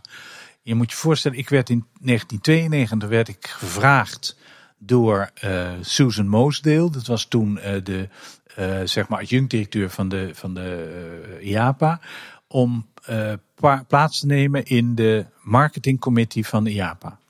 Nou, wat doet die marketingcommittee? Die uh, bestudeert alle uh, PR-uitingen, uh, folders en dergelijke, commercials en weet ik wat. En dan wordt er de zogenaamde Brass Ring Award wordt daar uitgereikt tijdens de beurs.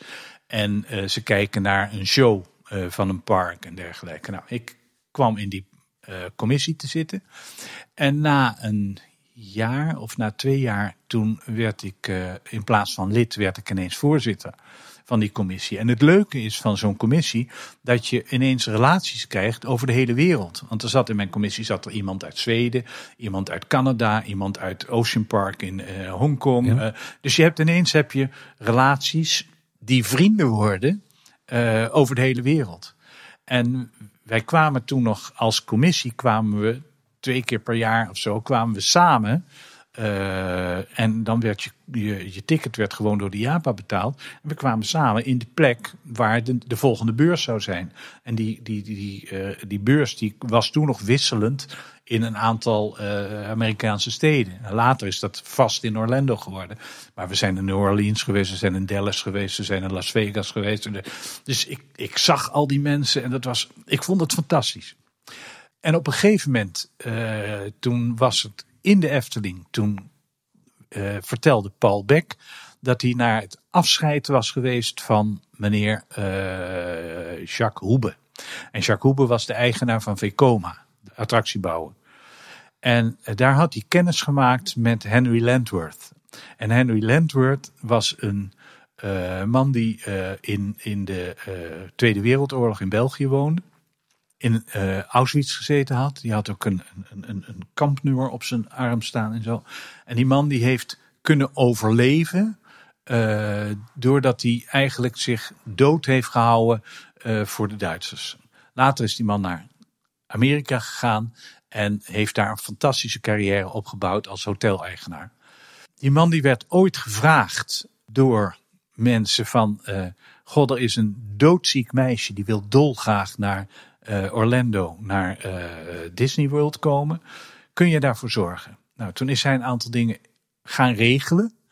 En hij was te laat. Het meisje is gewoon overleden en ze is nooit in Orlando gekomen. Toen heeft Henry Landworth gedacht, dit gaat mij nooit meer gebeuren. En die is toen een inzameling uh, gaan houden tussen alle Holiday Inn hotels. En heeft toen een hoop geld bij elkaar gekregen. En die is begonnen met een dorpje te bouwen een aantal huisjes te bouwen waar families uit de hele wereld met kinderen met een levensbedreigende ziekte naartoe konden. En dat heet Give Kids the World. En Paul die zei van, probeer eens een afspraak met die man te maken. Nou, ik heb toen geprobeerd. Hij zat in Amsterdam in een hotel, uh, maar ik kon geen afspraak meer maken, want hij moest terug. En een maand of twee later zouden wij met de marketingcommissie zouden wij samenkomen, ook in Orlando. Toen dacht ik, nou dan ga ik daar even kijken. En ik heb een afspraak met hem gemaakt. En binnen vijf minuten in dat dorpje stond ik uh, te vertalen voor mensen die alleen maar Hebreeuws uh, spraken en uit Israël waren gekomen met een doodziek kind. Uh, en stond ik te vertalen wat dat, wat dat dorp nou was. En duidelijk te maken aan medewerkers wat zij wilden. Ik sprak natuurlijk geen woord Hebreeuws, maar ik, ik wist wat ze bedoelden. En ik werd zo ontzettend geraakt door alles wat daar gebeurde, dat ik dacht, jongens, wij als attractieparken, wij profiteren over de hele wereld, profiteren wij van gezinnen met kinderen, daar leven wij van. En dit is iets, als wij dit adopteren, dan kunnen we iets teruggeven. En toen heb ik een, uh, nee, ik heb het eerst naar de commissie gebracht, die was heel enthousiast over.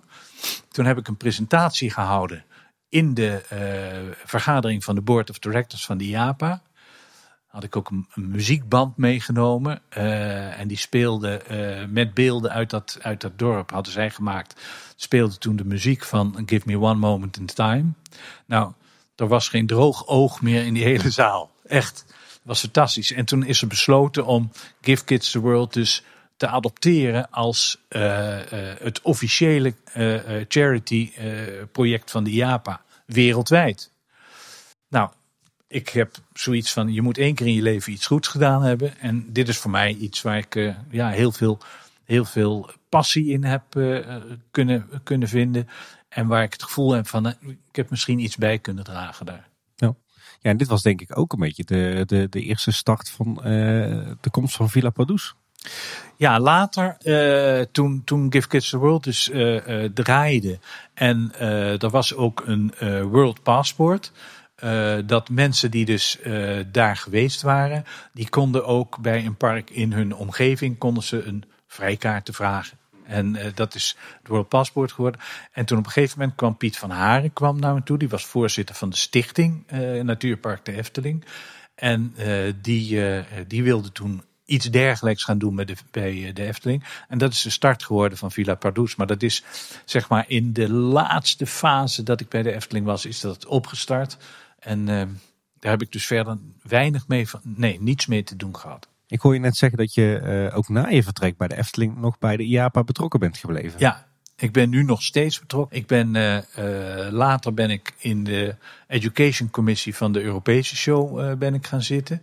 Daar heb ik een jaar of acht gedaan. Ik heb een jaar of twaalf in de Exhibit Award Commissie gezeten. ik zit nu voor de tweede keer in de Hall of Fame Commissie. Waar we dus kijken van welke mensen in de wereld uh, hebben nu echt heel substantieel bijgedragen aan de ontwikkeling van die attractieparkenbranche in de wereld. En ik, ik had er al een paar jaar geleden in gezeten. En ik ben nu vorig jaar teruggevraagd. En nu weer gevraagd om het komend jaar te, te blijven. En ik zit op het ogenblik in de taskforce die zich bezighoudt met de examens voor de uh, International Certification voor uh, Attraction Manager en Attraction Executive. En daar, dat is heel leuk, want daar moeten wij alle mogelijke vragen bedenken.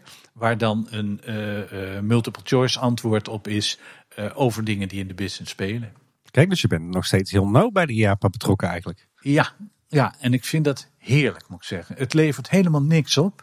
Maar je doet zoveel contacten op en je blijft zo geïnspireerd over die hele business. Dat ik het ontzettend leuk vind om zelfs nu, ik, ja, ik ben nu 69. Uh, en eigenlijk zou je dus zeggen van ja, je doet je pantoffels aan en je gaat in de haard zitten. Maar ik vind het zo leuk om daarbij betrokken te zijn. Ja. Ja. Ik kan me ook voorstellen als uh, ergens dit jaar corona uit de wereld is, dat Reinoud ook met veel plezier in het vliegtuig naar uh, Amerika stapt. Ja, het was afgelopen november zou het mijn dertigste IAPA-beurs geweest zijn. En mijn 47ste Amerika-reis. en dat is helaas niet doorgegaan. Ja. Um, ik, ik, wil toch even terug naar de, de Efteling in de jaren negentig. Um, als we het hebben over commerciële initiatieven uh, die in die tijd speelden, uh, dan is denk ik een van de dingen die meteen naar boven komt drijven, is uh, Laaf BV. En eigenlijk de hele merchandise en licensing rond Laaf. Was, je, was jij daar ook bij betrokken? Ja, was ik bij betrokken. Um, het is eigenlijk ontstaan tijdens een lunch die Paul Beck had met Kees Vriesekoop. En Kees Vriesekoop, dat was een ondernemer. Die had de uh, Hotdog King, was een, een, een bedrijf met hotdogs. En die verkochten we ook in het park, zodat, zodat Kees Vriesekoop, die kende natuurlijk Antoine en Paul. En, goed. Op een gegeven moment was Kees Vriesekoop, die was naar zijn schoonmoeder in Duitsland. En zag daar een paar kabouters in de tuin staan. Maar zulke ongelooflijke, trieste, zielige kabouters. dat hij dacht: hier moet ik iets gaan doen. En toen is hij op het idee gekomen: ik wil graag iets doen met de kabouters van de Efteling. En toen heeft hij een lunchafspraak gemaakt met Paul om daarover te praten. En daar werd Robert Jaap Jansen ook uitgenodigd aan tafel. En Robert Jaap is degene geweest die tegen Kees toen heeft gezegd van... Goh, uh, je wil nog wel wat met de kabouters, maar zou je niet iets met de laven willen? Want dat was toen net nieuw. En uh, daar, ja, dat was uh, mooi. Nog geen week later. nee, ik werd toen voorgesteld aan Kees Vriesekoop. Ik ben toen met hem gaan praten, wat de mogelijkheden eventueel zouden kunnen zijn. En nog geen week later kwam hij toen bij mij met een zo plat doorgesneden boomstam, als het ware. Het was plat, plat doorgesneden. Daar had hij een inkeping ingemaakt en daarin zat het businessplan van de zaak Laaf. En hij had zijn vrienden had hij al benaderd om daarmee te investeren. Een van zijn vrienden was bijvoorbeeld Barry Hughes. En Barry Hughes was in die tijd een voetbaltrainer, maar ook een, hele bekende uh, uh, ja, spreker, coach, dat soort dingen. En uiteindelijk in dat hele plan zat het, het, feit dat de Efteling zelf kon voor toen 500.000 gulden 50% van de aandelen in dat BV Laaf kopen. En BV Laaf die zou dus alle mogelijke laafjes gaan gebruiken. Want inmiddels had Kees natuurlijk gesproken met Tom van der Ven en met Robert Jaap. Dus er waren een aantal laven waren al bedacht. En die zouden ze gaan uh, verkopen. En Kees had natuurlijk door zijn achtergrond bij uh, Hot Dog King... had hij heel veel contacten in de retailwereld... waardoor hij dat makkelijk weg kon zetten. Antoine en ik waren daar ontzettend enthousiast over. Paul ook. Uh, en we hebben dat toen in een commissarissenvergadering gebracht. En toen hebben de commissarissen gezegd: nee, gaan we niet doen. Wij nemen genoegen met eh, de royalties die we op dat spul van de eh, intellectual property krijgen. Nou, dat is een leuk bedrag. Maar als je je voorstelt dat er een jaar later zaten er 200 Chinezen alleen maar laven te schilderen en te bakken en weet ik veel wat allemaal. En dat bedrijf had een omzet binnen anderhalf jaar van 50 miljoen gulden toen. Denk ik, ja, dat is toch jammer dat we daar niet ingesprongen zijn toen.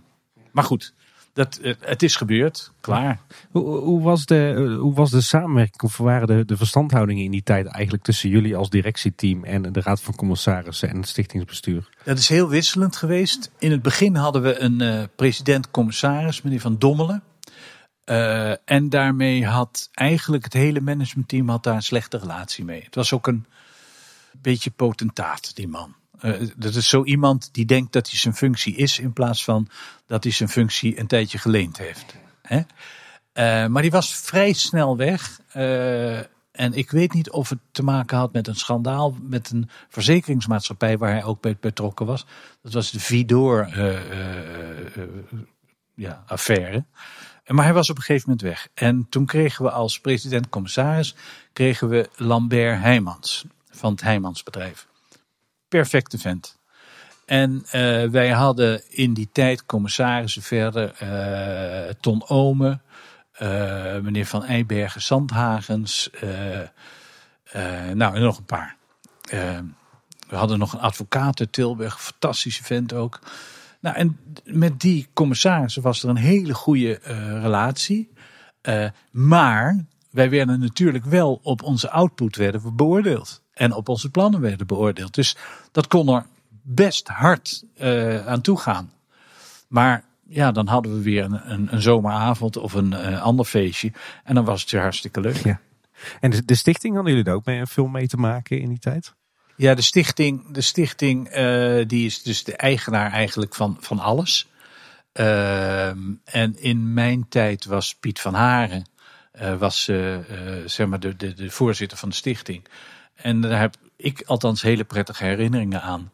Ik heb met hem samen uh, de Anton Pieckprijs in het leven mogen roepen.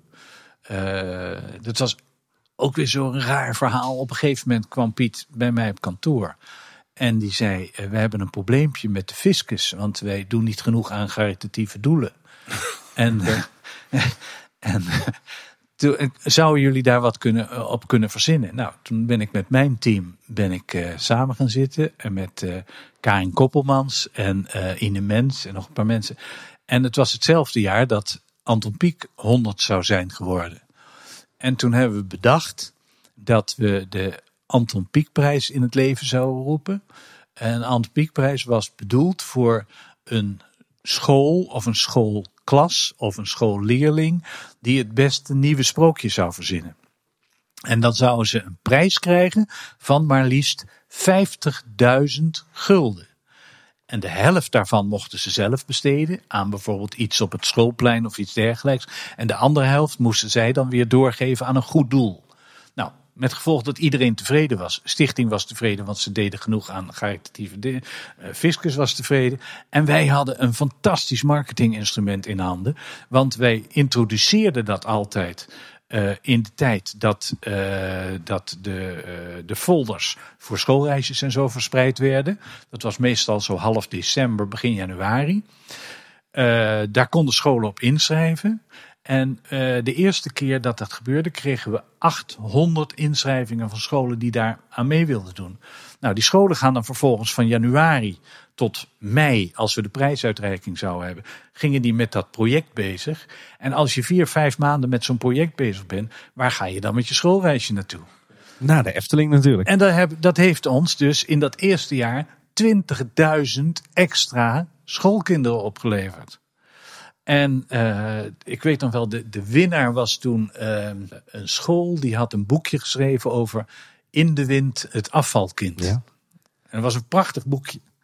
En in de jury hadden we een uh, Belgische schrijver. En we hadden ook Ivo de Wijs hadden we in de jury zitten. En Ivo, en dat heb ik meegenomen, die heeft toen een gedicht geschreven op de, op de Efteling. En uh, dat heb ik altijd bewaard en daar ga ik, daar ga ik nu voorlezen. Mag dat? Ja, zeker. zeker. De ronde kop van Langnek te zien stijgen, de dwergen te zien huilen in een kring, om daarna, toppunt van betovering, de boezem van Doornroosje te zien hijgen. De tuin die ik als kleuter binnenging, doorkruis ik nu met kleuters van mijn eigen. En mocht ik ooit er eens een kleinkind krijgen, ik sta meteen weer op de Efteling. Er zijn een hoop attracties bijgekomen, maar ik stap onder de vertrouwde bomen, het liefst door het sprookjesparadijs. En als de heks roept, knibbel, knabbel, knuisje, dan vlieg ik naar haar pannenkoekenhuisje en smul ervan als hollebolle gijs. Nou, dat is toch prachtig, hè? Zeker. Ja. Ik, eh, ik heb deze nog nooit eerder gehoord. Dus Nee? volgens mij hebben we hier een eh, primeur te pakken. Ja, hij heeft ooit eens in een, eh, in een personeelsblad Efteldingen gestaan. Eh, maar dit is, ja, dit is prachtig. Hey, er ligt hier van alles op tafel. Ja. Reinoud, jouw eerste visitekaartje. Ik zie een actiefoto in een achtbaan met Lex Lemmens. Maar ik zie ook het eh, magazine Wonder liggen. Ja, Daar heb jij ook een eh, bijzondere connectie mee, hè? Ja, op een gegeven moment hebben we Wonder hebben we in het leven geroepen. Dat was eigenlijk, ehm, ja, ik geloof dat het een idee is geweest van Olaf, Olaf Vught. Ehm, en de bedoeling was dat we dat magazine in een enorme oplage zouden verspreiden aan het begin van het seizoen. En dat zouden we samen doen met de Telegraaf. Eh, de Telegraaf had toen, geloof ik, 750.000 abonnees. Die iedere dag die krant kregen. En we zouden dat instoppen bij de, bij de dingen. Eh, en Olaf, die heeft ervoor gezorgd dat in dat blad, eh, moet ik het even pakken. Alle mogelijke advertenties stonden van mensen waar we mee samenwerkten. En dat was bijvoorbeeld Kroki Chips of eh, Fuji fotoapparatuur of eh, de ABN AMRO Bank of eh, dat soort, soort dingen allemaal. En dat was de ene kant van de bladzij. En daar stonden al die mooie advertenties in. Die waren ook allemaal, en dat moest, die moesten allemaal helemaal in thema van de Efteling zijn. En daarnaast hadden we dus op de andere pagina's hadden we de ruimte om alles over ons park wat we kwijt wilden te schrijven. En dat kwam dus gratis bij mensen op de, op de, op de, eh, brieven, op de deurmat. Eh, daar hebben we een aantal uitgaven, een aantal jaren hebben we gedaan. En zelfs nadat ik bij de Efteling weg was, heb ik in 2000 nog een keer een, eh, een wonder mogen maken met mijn eigen bedrijf toen. Eh, en dat was ge- geïnspireerd op een slogan die we toen verzonnen hadden. Eh, ik werd gevraagd door Ronald van der Zeil om een, eh, slogan te verzinnen. Want Ronald die zei altijd van, ja Reinhard die werkt af en toe wel eens voor de Efteling. En als hij vindt dat het weer lang genoeg geduurd heeft dat hij niks had van ons, dan belt hij zich wel weer. en toen kreeg ik die opdracht om een slogan te verzinnen. Ik had verzonnen, de mooiste momenten beleef je toch weer in de Efteling. Omdat ik de Efteling wilde onderscheiden van alle anderen. Maar Ronald vond dat toen iets te heftig. En eh, die heeft er toen van gemaakt, de mooiste momenten bleef je weer in de Efteling. En daar hebben we toen een, eh, een eh, wonder van gemaakt. En ja, ik vond het nog steeds een hele leuke om dat te doen. Ja. ja, ik weet nog wel dat die, die wonder in begin jaren negentig ook, dat die eh, in je handen werd gedrukt als je het parkeerterrein afreed aan Ja. het eind van de dag. Klopt, klopt. Echt eh, jeugdsentiment voor Ja. mij. Iets wat, wat trouwens ook jeugdsentiment eh, is voor mij, is het vele park entertainment. Bijvoorbeeld eh, in die begin jaren negentig begonnen jullie ook de samenwerking met Samson en Gert, hè? Ja. Oh ja. Ja, dat, was, dat, was, dat is ook een van de mooiste dingen die ik heb mee mogen maken. Ehm, Samson en Gert die waren al een tijdje op de televisie in, eh, eh, in Nederland. Ehm, en in België waren ze natuurlijk al erg populair. En wat ik een ongelooflijk fenomeen vond, is dat eh, kinderen van twee, drie jaar, en ik had er zelf toen eentje van een paar jaar, net drie jaar, dat die in staat waren om al die liedjes gewoon uit hun hoofd mee te zingen. En op een gegeven moment eh, heeft eh, Walter Dermul, dat was onze vertegenwoordiger van het reclamebureau in België, die zei: Ik ga jullie introduceren bij Samson en Gert. En ik ben toen met hem naar. eh, tussen Antwerpen en Brussel gereden. Daar, daar was hun kantoor. En toen hebben we gesproken over de show. En we hebben toen Samson en Gert voor het eerst in Nederland geïntroduceerd. Met eh, twee of drie shows per dag gedurende een aantal weken. En eh, dan gingen ze s'avonds nog een keer terug naar, naar Vlaanderen, waar ze hun eh, zomeravondshows deden. Dus die jongens hebben ongelooflijk hard gewerkt. Zo, ja. En ehm, het is een enorm succes geworden. En ze zijn later nog een keer teruggekomen. En dat was in dat seizoen dat we, ja, we hadden ze toen ook al gepland, maar toen hebben ze een extra voorstelling iedere dag gedaan. Toen die show met eh, Marco Tempest, die, eh, die illusionist uit eh, Zwitserland, toen die niet doorging. Die hadden we gecontacteerd om een show te doen. Maar de avond voor de première zeiden zowel Paul als ik als Antoine. Dit, dit heeft absoluut niet de kwaliteit die we, die, we, die we willen. Dus het gaat niet door. Maar toen stonden we met een enorm probleem. En eh, toen heb ik eh, Gert Verhulst en Hans Boulon gevraagd van... zouden jullie in die plaats willen eh, springen? En toen maakte Gert maakte de prachtige opmerking. Hij zei, eigenlijk is de prachtigste, de mooiste truc van Marco Tempest geweest... dat hij die show aan jullie verkocht heeft. dat zou ik ook nooit vergeten. En ik had, in die tijd had ik een, echt een hele goede eh, relatie met eh, eh, Samson, Gert en Hans Bourlon. En zij speelden dan de show. En dan tussen de middag ging ik altijd even bij hun een broodje eten of iets dergelijks. En daar is toen Kabouter Plop eigenlijk ontstaan. Want Gert, die had hetzelfde als ik. Ja, Pardoes, ja, ja, ja, Pardoes. Waarom doen jullie niks met je kabouters eigenlijk? En toen werd ik een keer samen met mijn vrouw en mijn kinderen uitgenodigd bij hem thuis. Hij had een oud weeshuis in, in Capelle, vlakbij eh, Antwerpen. En op een gegeven moment, eh, we zouden pasta gaan eten. En toen zei hij, je moet even komen. En toen liet hij mij een tekening zien. Eh, en hij zei, dit is een kabouter en die heeft een muts op. En als hij dan aan een touwtje trekt, dan gaan die belletjes rinkelen. En hij zegt alleen maar, plopperde, plopperde, plopperde, plop. En eh, dat is de geboorte geweest van eh Kabouter Plop. Omdat de Efteling dus eigenlijk te weinig deed met zijn kabouters. En eh, daar is ook weer hetzelfde verhaal. Een jaar later was Kabouter Plop super product. En werd er ongelooflijk veel geld mee verdiend. Ja, ja en, en Gert heeft daar natuurlijk ook zijn inspiratie opgedaan voor uiteindelijk de Plopsalandparken.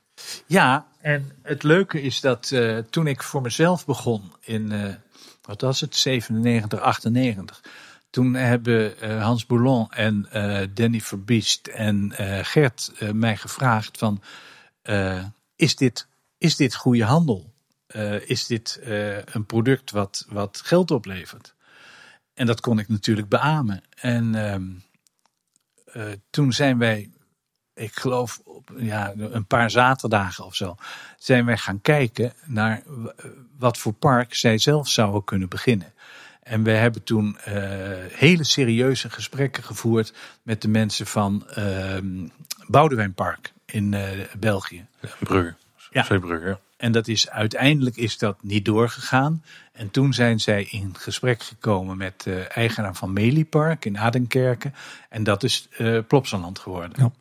Ja, en de rest is geschiedenis. eh, En de rest is geschiedenis. zeggen. En ik heb ongelooflijk veel respect van hoe die jongens dat eh, opgebouwd hebben. En eh, ik was ja, goed, echt goed bevriend met hun toen. En later, toen Gert een keer optrad met eh, eh, K3 in de vereniging in Nijmegen, ben ik nog een keer, heeft hij me nog gebeld. En ben ik er naartoe gegaan en hebben we weer ontzettend plezier gehad en bijgepraat en zo. En helaas heb ik de laatste jaren geen contact meer met hun. En ik zou het ontzettend leuk vinden om dat nog een keer eh, te herstellen. Ja. Ik denk dat ze het heel druk hebben vooral. Ja, denk ik ook. Ja, begin jaren 90 is natuurlijk ook de opkomst van het internet bij de mensen thuis. Ja, En de Efteling sprong er ook heel vroeg op in. Hè? ja. Dat was ook weer zo'n mooi fenomeen. We zaten dus echt in een periode dat alles kon. Hè? En alles begon te groeien. En eh, de, de- de- het was een hele mooie periode. Eh, en in 1994, dacht ik, werd ik eh, op een gegeven moment gebeld. Weer door Walter Dermel van ons reclamebureau in eh, België. En die zei, wij gaan een experiment doen en je moet vanavond komen. Nou, ik naar Brussel toe. En die hadden toen zo'n telefoonlijn, zo'n kraak- en pieptelefoonlijn, Ja. weet je wel, die, die er was. En daar mocht ik, het internet mocht ik op.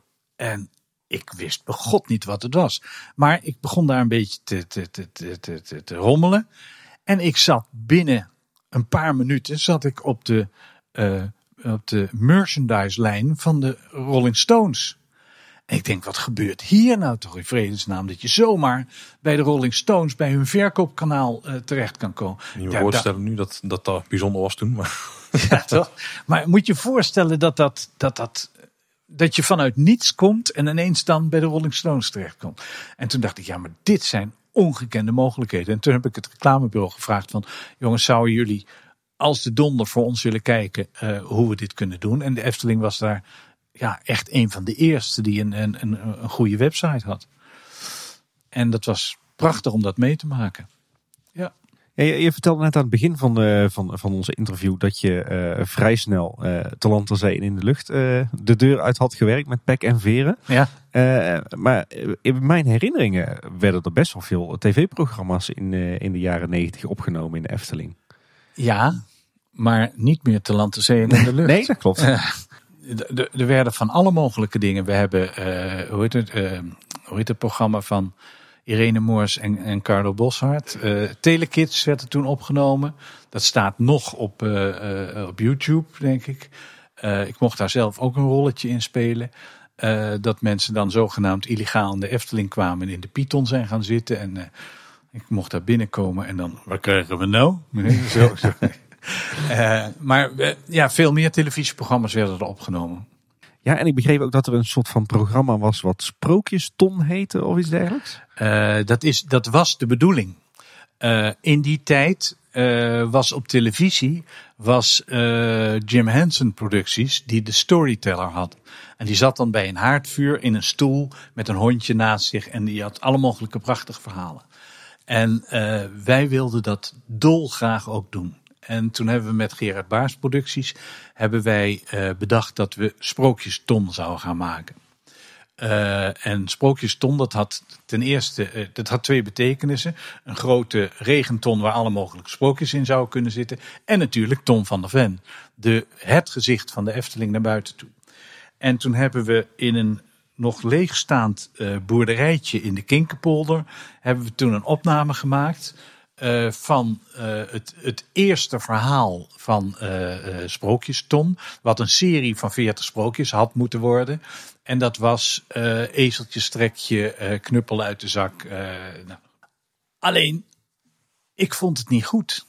Ik weet niet meer precies wat, ik, wat de reden was dat we het niet gedaan hebben. Maar ik vond dat Tom daar niet goed in was, omdat hij heel erg Brabant sprak. En het moest veel meer zijn dan Brabant. En Ton had echt een Brabantse tongval. Dus dat, ik vond dat toen niet goed genoeg. Uh, en dat is verder nooit gegaan. Maar ik heb die eerste opname, die heb ik nog steeds. En onlangs heeft uh, uh, Marvin van Hoeven voor mij gedigitaliseerd. Oké, dus die gaan we misschien ooit nog eens ergens terugzien, zou zo maar Dat weet ik niet. Dat weet ik niet. het, is, het, is, een, het is een proefopname ooit geweest. Ja. ja, en volgens mij is later alsnog dat project wel gerealiseerd, maar dan als de serie Sprookjes. Ja. In, in samenwerking met ja. de Belgische tv. Ja, maar toen was ik al lang weg. Ja, ja. Um, iets wat in die tijd ook ontstond was het Eftelinggeld, hè? Ja, dat was een uitvinding van Antoine van Dalen. Uh, die uh, gewoon Efteling geld heeft laten drukken. En dat kon men, men dan kopen en dat kon je dan overal uitgeven. Ik had een heel ander idee in die tijd. En dat was, um, ik, ik wist dat er heel veel mensen in de Efteling kwamen. Vanuit heel Nederland. En wat ik heel graag wilde invoeren, in samenwerking met onze bankpartner eigenlijk, was een soort, een soort creditcard waar mensen dan via alle mogelijke joint promotions uh, bij de OMO en bij Albert Heijn en weet ik veel wat allemaal een tegoed op konden sparen. Uh, en dat tegoed, dat konden ze dan bij ons uitgeven als ze naar het park toe kwamen. En als ze te veel uitgeven, dan was het ook nog een stukje krediet wat ze konden krijgen. En dan konden ze aan het eind van het jaar weer begonnen met, beginnen met een nieuw uh, tegoed opbouwen. Alleen dat heeft het nooit gehaald. Dat is wel jammer. Je was eigenlijk je tijd uh, behoorlijk ver vooruit. Want zo'n zulke soort systemen bestaan nog steeds uh, niet. Nee, maar ik denk dat het wel een heel goed systeem zou zijn. En ik denk ook dat heel veel mensen dat heel graag zouden willen. Omdat ze dan door het jaar heen een heel klein beetje kunnen sparen voor een bezoekje aan de Efteling. En dat is later uh, is het natuurlijk airmiles geworden. Uh, wat we in die tijd ook uh, in gang gezet hebben. Dat heeft Olaf met name gedaan. Eh, en daar, daar kon je dus ook al sparen voor Efteling-kaartjes. Hey, ik zie hier trouwens, er, er ligt hier echt van alles op, eh, op tafel, Reinhard. Maar ik zie hier ook een krantenartikel liggen met een wel heel bekende kop. Je bedoelt waarschijnlijk de Efteling Fanclub. Ja, Met eh, Jeroen Verheijden op. Ja, en Sebastian Smit. Eigenlijk vond men in de grote Efteling vond men dat maar heel lastig. Dat er dus dingen gemaakt werden op een hele eigenlijk amateuristisch liefdevolle manier. Maar toch lang niet eh, de kwaliteitseisen eh, ontmoetend die de Efteling zelf stelde. Eh, dus er werd heel smalend over gesproken eigenlijk. Maar eh, Jeroen en eh, Sebastian die hadden wel een hele goede relatie met Ine Mens. En Ine Mens was bij ons de office manager op de afdeling. En op een gegeven moment, ik, ik heb met Ine zitten praten. En op een gegeven moment dacht ik van potverdorie. Dit zijn geen lastige puistenkoppen zoals eh, eh, er in de Efteling over gesproken werd. Maar dat zijn onze meest waardevolle fans. En toen hebben Paul Beck en ik hebben onze kinderen hebben lid gemaakt. En mijn eh, jongste zoon, Martijn, die was meteen het jongste lid. Want die was toen net drie maanden en twee weken oud. kijk, die was er vroeg bij. Ja, En ik zie eh, nog meer krantartikelen liggen. Want ik zag ook een krantartikel met een uh, plattegrondje erop. En dan zijn wij meteen getriggerd, Tim. Ja, En ook een beetje het bestaansrecht van deze podcast, zoals we het altijd noemen. Namelijk plannen voor de wereld van de Efteling. ja dat klopt. En daar staat al een plattegrondje op. En ik ben natuurlijk meteen heel erg benieuwd van hoe concreet waren al enkele van die plannen die erop stonden. Nou, die waren heel concreet. Dit is een, een plan wat eh, eh, deze krant die ik hier heb is eh, van oktober 1993. En dat is het moment waarop het dus echt naar buiten gebracht is. De jaren daarvoor waren er wel degelijk al die plannen ook ontwikkeld. En zelfs in de tijd van Ruud de Klerk was er al sprake van. Uh, Erik van der Brand weet daar alles van. En hij vertelt er ook heel duidelijk over in de podcast die jullie met hem opgenomen hebben. Maar je ziet hier dus een, uh, een uitbreidingsplan waar wel degelijk al op staat het bungalowpark, uh, de golfbaan, een camping, het hotel en een tweede park. Ja, een tweede en dat tweede, tweede park, dat is er nog nooit gekomen. Ja, wat wij eigenlijk in gedachten hadden in die tijd, was een soort permanente Floriade. Uh, ook omdat we heel graag uh, de buitenlandse bezoekers naar ons toe wilden trekken. En we wisten natuurlijk dat de Keukenhof enorm populair was. Maar de Floriade was uh, in 92 bijvoorbeeld, had hij al meer dan 3 miljoen bezoekers. Hè, en was toen best een hartstikke goed succes. er gaan alle mogelijke verhalen over Floriades die, die tekorten opleveren.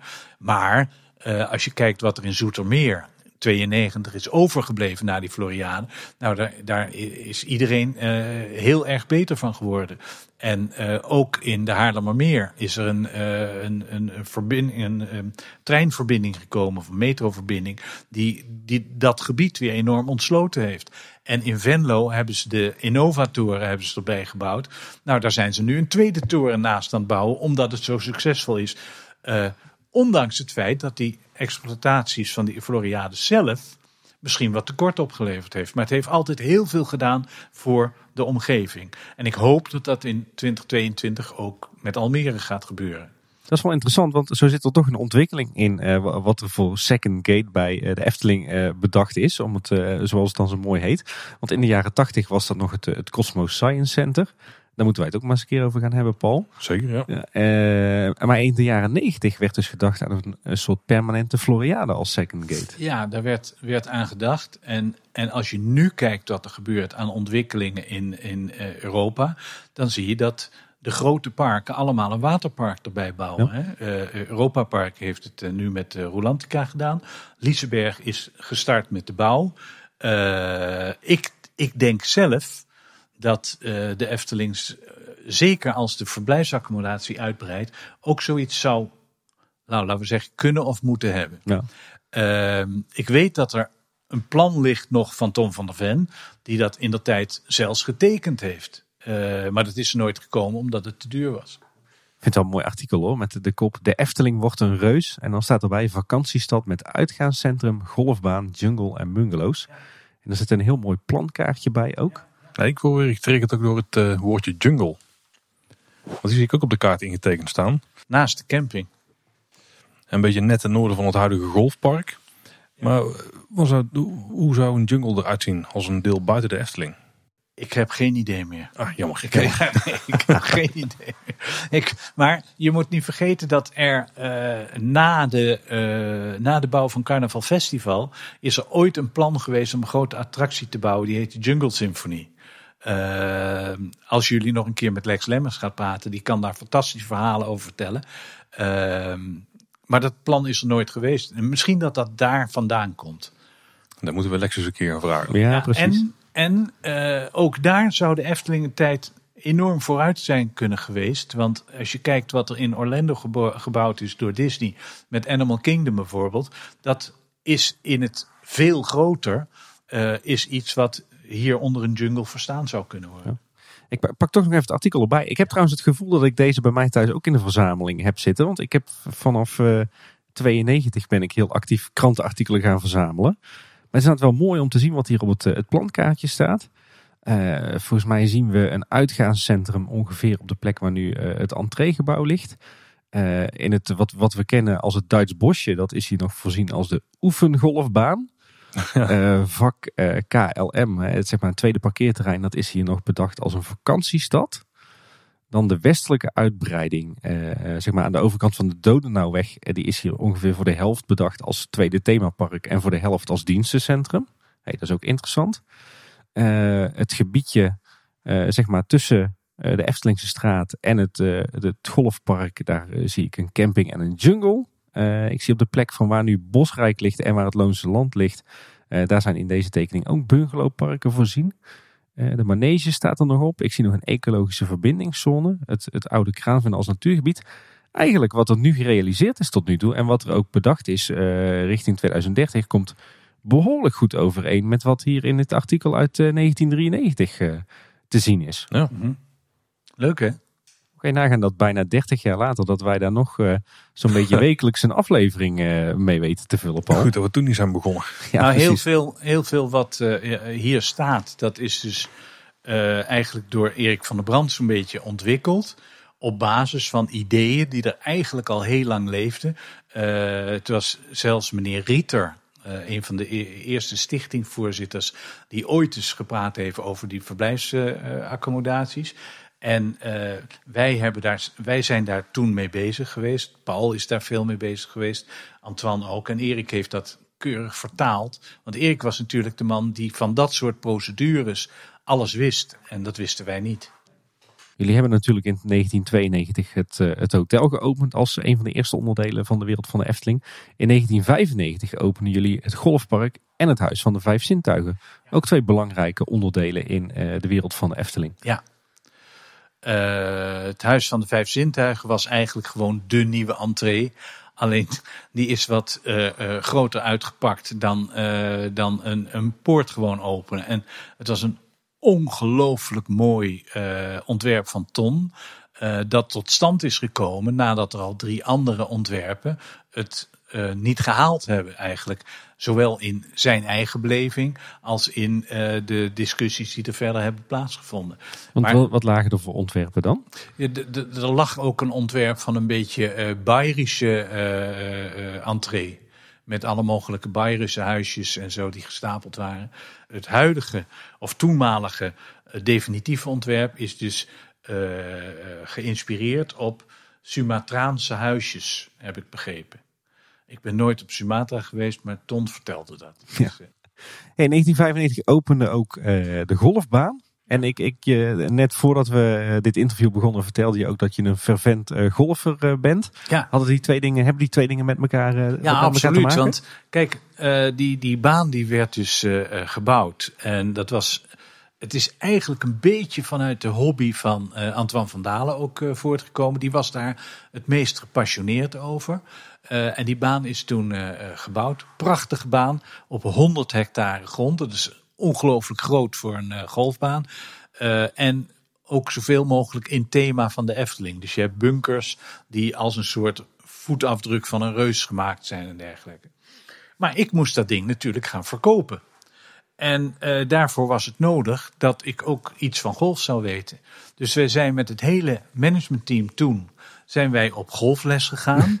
uh, we hadden toen een golfmanager, uh, Daan Sloter. En Daan Sloter is nu de organisator van het KLM Open.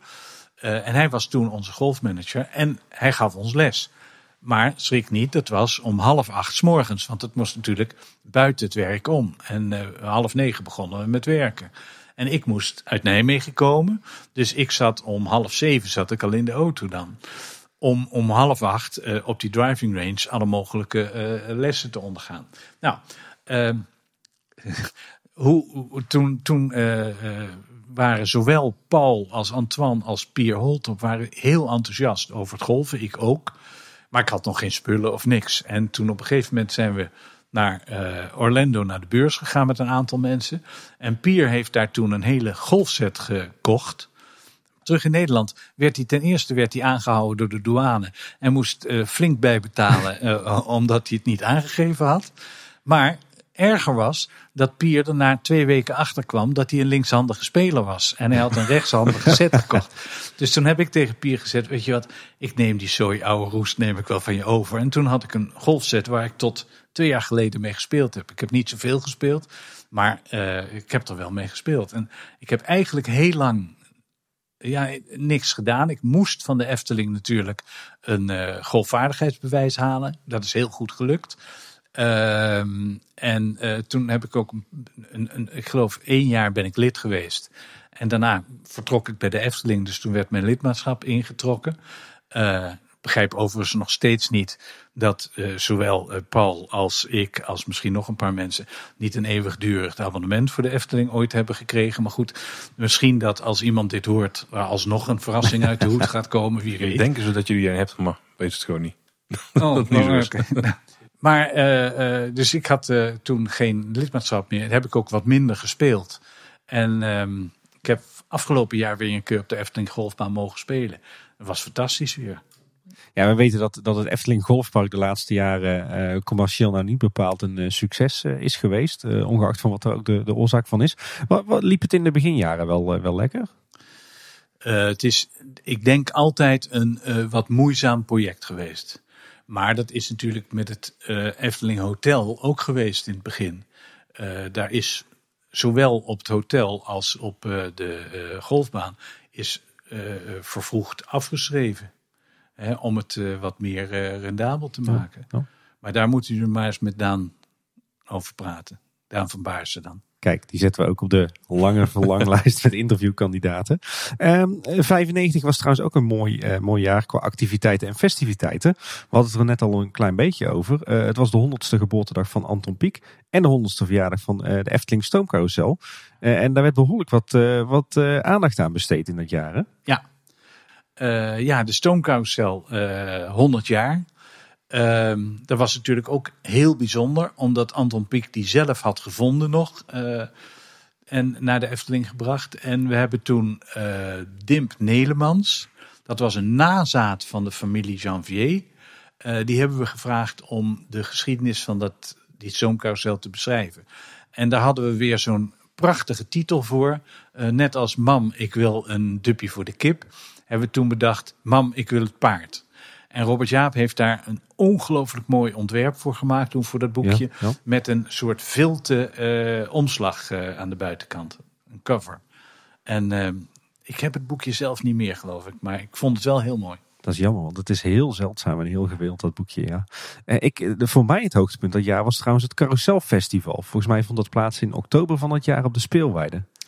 ja, en dat kwam omdat de IAPA had dat jaar uitgeroepen tot uh, The Year of the Carousel. En toen was het dus wereldwijd werd er extra aandacht besteed aan uh, carousels. En uh, we hadden toen ook die speciale carousel van Vermolen hadden we toen daar, daar heeft Lex weer voor gezorgd dat dat uh, er kwam. En Paul en Lex hebben dat ding in Canada gekocht volgens mij. en toen is dat gerenoveerd door de familie Vermolen. En is naar de Efteling toegekomen. En later is het nog een keer naar de uh, Tilburgse kermis gegaan. In 1994 toen is een van de dingen die toen is geopend, dus de Kleuterhof. Dat is ja. natuurlijk een, een, kleine toevoeging en een, een, speeltuin. Eh, doe je dan daar de communicatie nog eens mee? Of is het gewoon iets wat je in je park moet hebben en kun je er weinig, weinig mee doen? Nou, je hebt, uh, zoals je, je weet, moet een attractiepark eigenlijk is een soort wetmatigheid dat je om de drie jaar een grote nieuwe wervende attractie bouwt. Om je publiek terug te krijgen. Maar je wil in tussenliggende jaren wil je, je publiek ook vasthouden. En dan bouwen we meestal een soort invulattractie. Een invulattractie kan zijn een attractie als de Kleuterhof of het Doolhof, wat daar samen is uh, neergezet. Hele leuke, leuke attracties trouwens. Maar het zijn geen grote wervende attracties. Uh, een show kan ook een invulattractie zijn, waar je wel over kunt communiceren.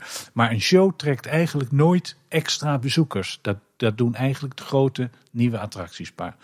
Uh, dus eigenlijk hadden we ieder jaar wel iets wat nieuw was, of een show of een invulattractie. En als je dan dus zo'n invulattractie neerzet, kun je er dan vaak nog iets mee in de communicatie? Of ja. Is het... Ja, dat wordt natuurlijk altijd als nieuwe attractie wordt dat uh, geadverteerd of er wordt over gepraat. Maar niet in de mate waarin gepraat wordt over uh, zeg maar een Python of een, nou, noem, maar, noem maar wat. Ja, als we het dan over, over kleine tussenattracties hebben.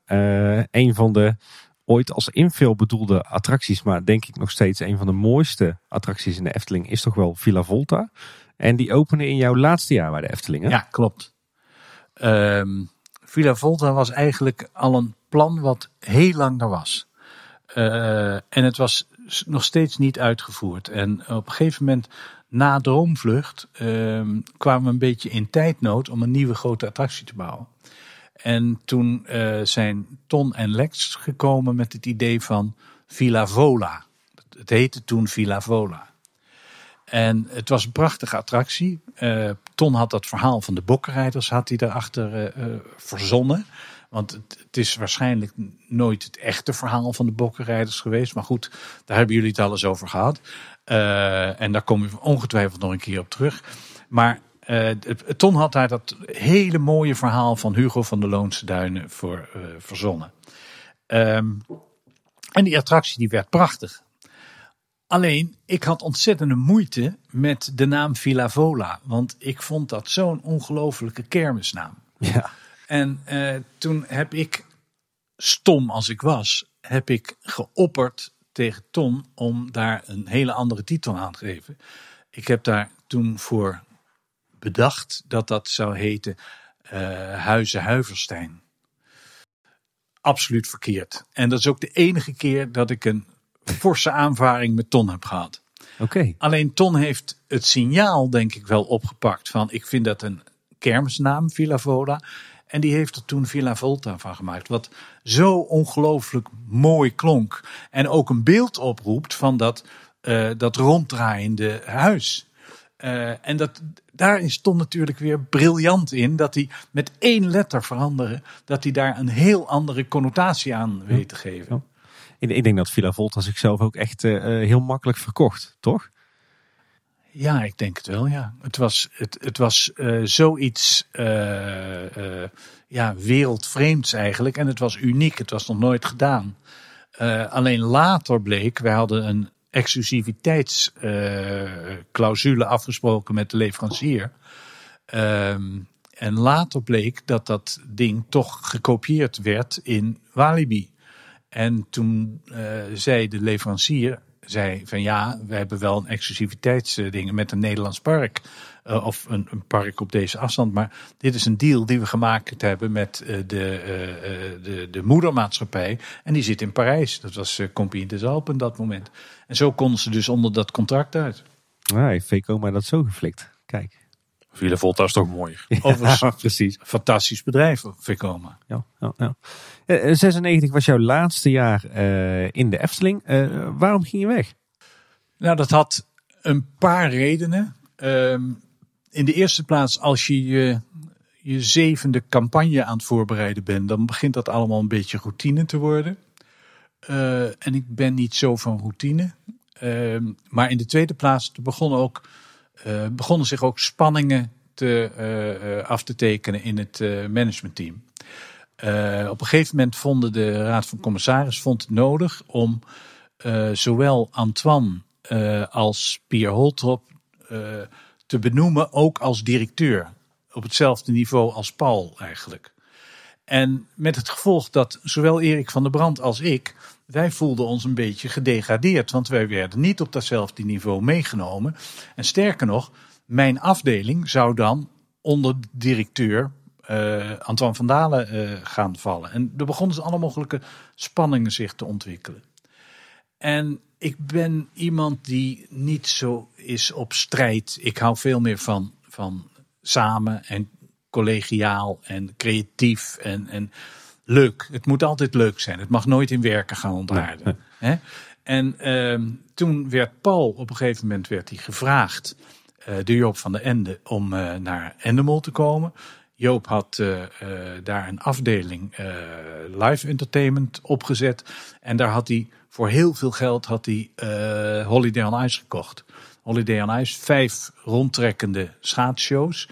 Uh, en dat lag een beetje op zijn kont. Uh, je zag overal zag je het publiek verouderen en de shows ook wat, wat minder van kwaliteit worden. En Paul werd gevraagd om daar nieuwe uh, impuls aan te geven en dat bedrijf op te bouwen, live entertainment. Er zat aan, aanvankelijk ook de theatersector in en een groot nieuw family entertainment centrum wat bij de arena gebouwd zou moeten worden. Paul heeft mij toen gevraagd om mee te gaan naar Endemol. Ik kende Joop van de Ende natuurlijk al goed vanuit mijn theatertijd nog. Uh, dus dat trok mij wel enorm aan. Bovendien, in de tijd dat ik en uh, minder uitgedaagd werd om een nieuwe campagne te maken. En dat zich ook wat spanningen begonnen te ontwikkelen. vond ik het dat ik een mooie stap ging doen. Ja. Nou hebben we al een aantal keer aangehaald dat hier wat materiaal op tafel liggen. Er lag ook een krantartikeltje bij wat hierover ging. En daar had je nog wel een anekdote bij volgens mij. Ja, er is een, een, een krantenartikel en daar staat, en dat is inderdaad uit uh, halverwege 2000, nee, halverwege uh, 1996. En daar staat dat uh, een journalist er dus achter gekomen is dat Paul en ik weggingen. En die schrijft hier in de Haagse krant een kopje. En de mol kopt de top van de Efteling op. Nou, wij wisten niet dat dat geschreven werd, maar heel toevallig stond dat in de Haagse krant op een dag dat Antoine van Dalen met de Raad van Commissarissen aan het golfen was in Den Haag, in Wassenaar. En die zien die krant en die worden ongelooflijk kwaad. En uh, ja, toen kreeg ik eigenlijk de schuld dat ik gelekt zou hebben naar de krant, waar geen sprake van was. En ik heb later van die journalist heb ik ook een, uh, een uh, brief gekregen dat er absoluut geen, geen lek was geweest vanuit de Efteling. Maar inmiddels waren zij kwaad op mij. En uh, ik werd de volgende dag geroepen bij de president-commissaris en bij Antoine.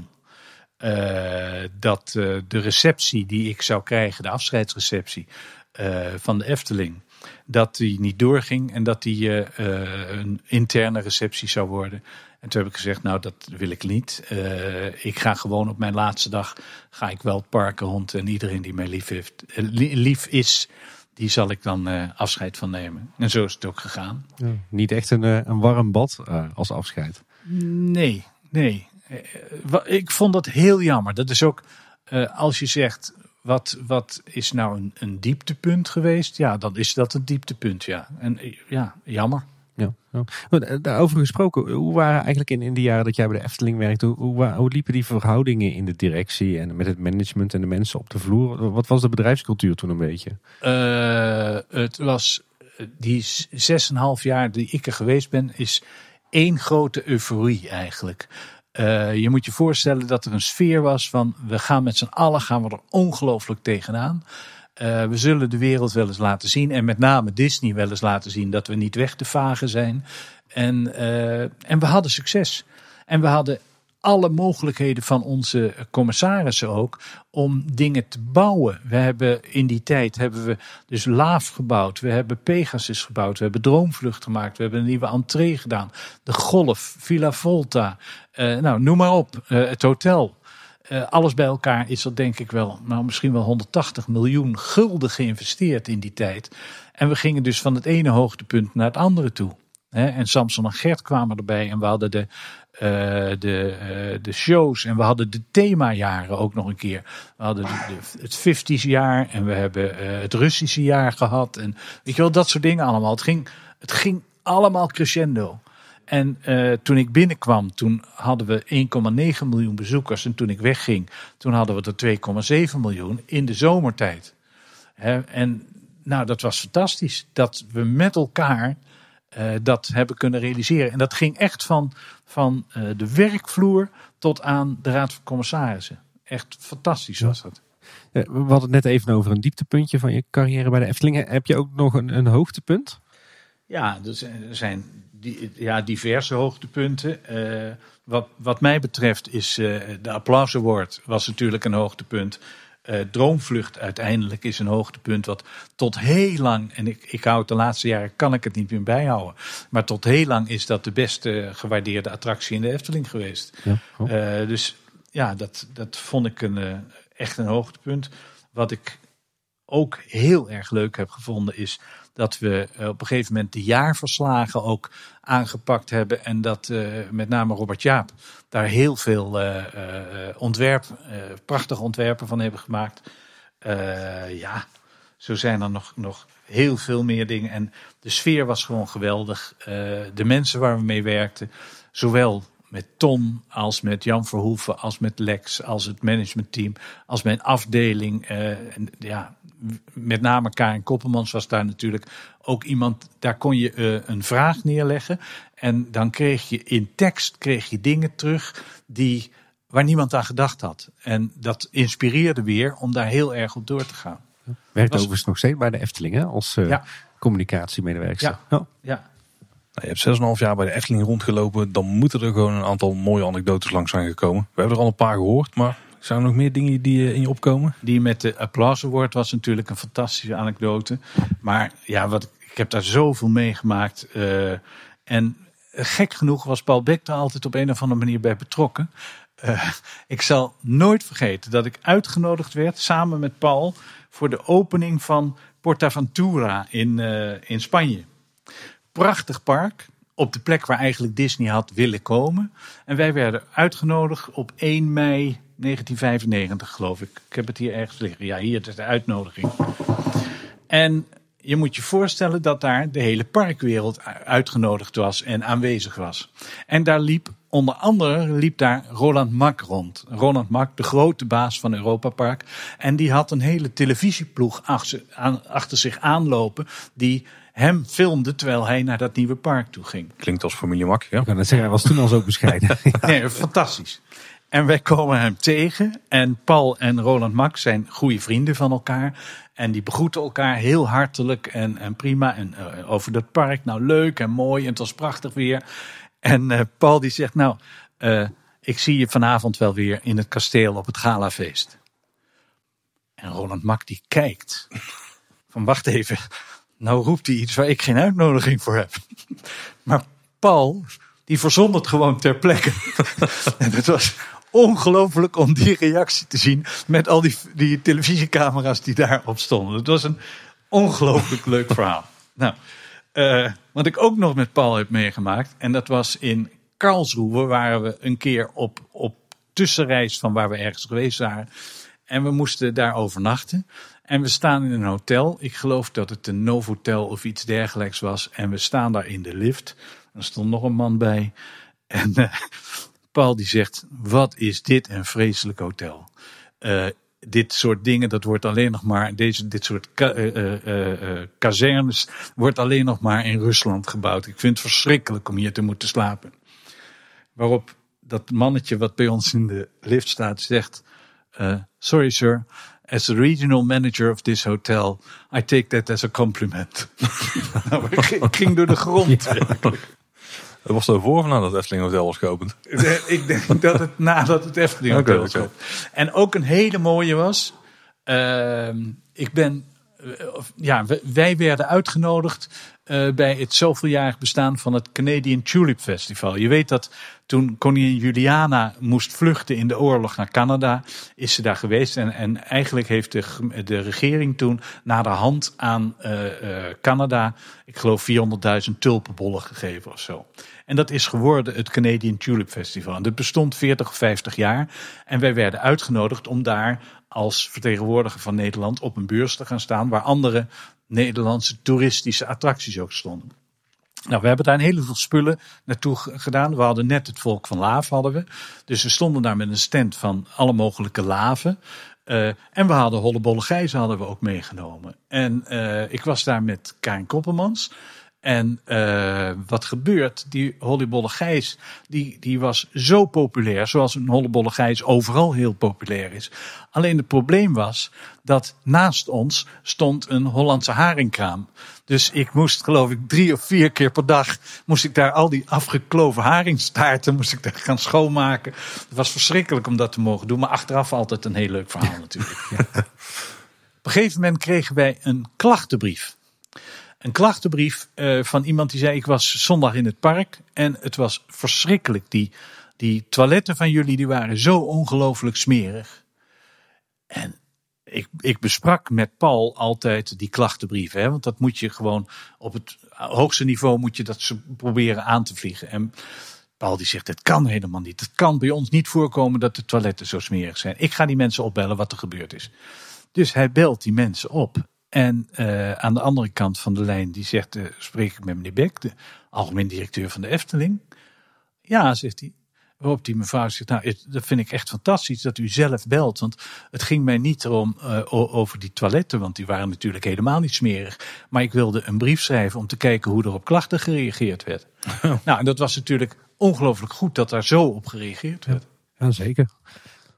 Als je nou terugkijkt op, op jouw, jouw tijd in de Efteling, eh, wat heb je dan geleerd van, van die jaren dat je bij de Efteling hebt gewerkt? Ik heb natuurlijk heel veel geleerd van mijn tijd bij de Efteling. En ik heb ook ontzettend geprofiteerd van het feit dat ik bij de Efteling heb mogen werken. Omdat als je de Efteling op je cv hebt staan, dan kan je eigenlijk overal terecht. En ik heb eigenlijk tot nu toe, uh, word ik nog steeds geassocieerd met de Efteling.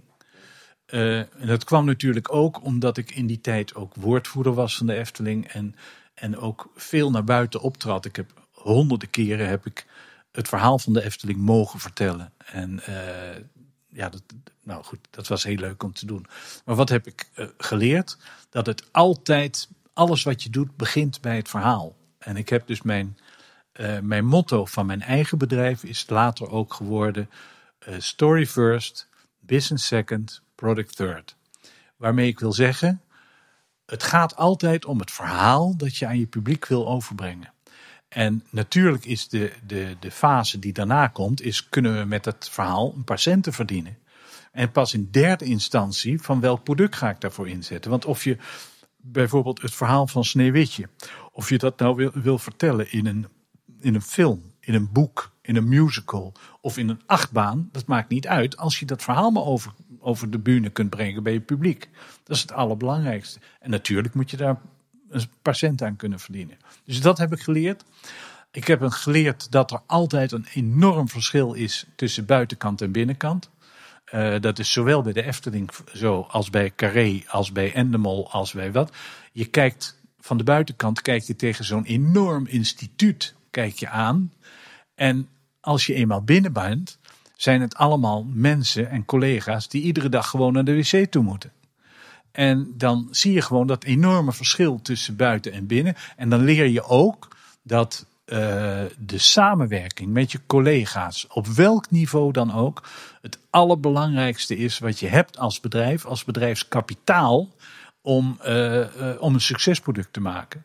Nou, ik heb dat later in, in interviews met Fons uh, ook weer teruggezien dat hij dat ook heeft. Precies hetzelfde. Het gaat om die medewerkers, hoe je die kunt motiveren en uh, meenemen op, op de reis die je met z'n allen maakt naar, naar de toekomst toe. Ja. Heel belangrijk. Ja. Ja, wat dat betreft is het denk ik ook heel prijzenswaardig. Hè? Als, als we dit opnemen, dan zitten we nog midden in eh, de, de coronapandemie. Ja. En dat het ook heel prijzenswaardig is dat de Efteling nu alles op alles zet om, eh, om maar het personeel bij zich te houden. Ja. En niemand te hoeven ontslaan. Nou, als je het verschil ziet bijvoorbeeld met de artikelen die je in de pers leest over de Disney-organisatie, die ik geloof 32.000 mensen wereldwijd moet ontslaan. En de Efteling probeert gewoon iedereen binnenboord te houden. En laat, eh, laat zelfs alle mensen meedelen in hun verdriet. Door te gaan vertellen van jongens, we staan er ongelooflijk moeilijk voor. We hebben een verlies van 17 miljoen eh, euro in, in het afgelopen seizoen.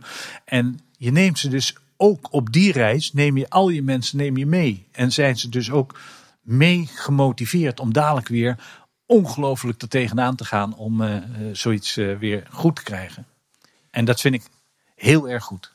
Reinhard, wat we altijd heel interessant vinden is om nou eens wat mensen in het tonnetje te zetten die misschien niet altijd ehm, bekend zijn bij het grote publiek. Want er zijn vast een hoop collega's, en misschien ook zitten er al bekende namen bij hoor, die, die in jou ook heel belangrijk zijn geweest voor de Efteling in de periode dat jij daar actief was. Nou, dan in de eerste plaats natuurlijk mijn eigen mensen waar ik altijd mee gewerkt heb. Ine Mens, Karin Koppelmans vooral. Eh, Olaf. Olaf die in, in die tijd eh, werkte als marketing en sales manager op eh, onze afdeling. Heeft, daarna heeft hij een enorme carrière mogen beleven. Ja, Lex natuurlijk. Jan Verhoeven, de architect van de Efteling, hele belangrijk. Marie van Heumen, ook een hele belangrijke.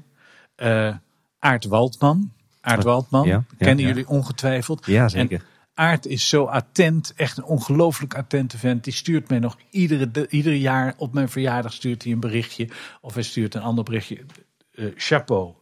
Eh, ja, Pier en, en Daan. Daar heb ik natuurlijk ook Pier Holtrop en Daan van Baars. Heb ik ontzettend veel respect voor. En heb ik ook heel plezierig mee samengewerkt. Eh, ja, en zo zijn er nog tientallen mensen te noemen. Van eh, bijvoorbeeld Annie Klis. Ik weet niet of jullie die namen kennen. Ja, ja. Annie Klis was een, eh, een medewerkster in de operations. En op een gegeven moment heb ik haar, omdat zij echt een soort legende was als medewerkster, heb ik haar het boekje gestuurd, Mam een duppie voor de kip. En daar was ze zo blij mee dat ze heeft mij toen een brief geschreven. En ze heeft mij toen iets heel belangrijks gegeven. En dat was namelijk de allereerste parkeersticker van de Efteling. En ze zei, die heb ik altijd bewaard. Sinds 1952 had ze die bewaard. En die kreeg ik van haar. Eh, en daar heb ik weer eh, een, ja, eigenlijk een speciale oorkonde van gemaakt. Eh, want ik heb dat ding heb ik vorig jaar weer doorgegeven. En ik heb hem gegeven aan Jaap den Bleker. Jaap is bij de Efteling nu ja, echt iemand die alle grote projecten heeft eh, begeleid. En eh, het, het, het is een soort eh erebewijs eigenlijk. Van Jaap, nou, nou jij. En geef jij hem over een aantal jaren ook weer door. Net zoals Herman van Veen dat gedaan heeft met Claudia de Brij bijvoorbeeld.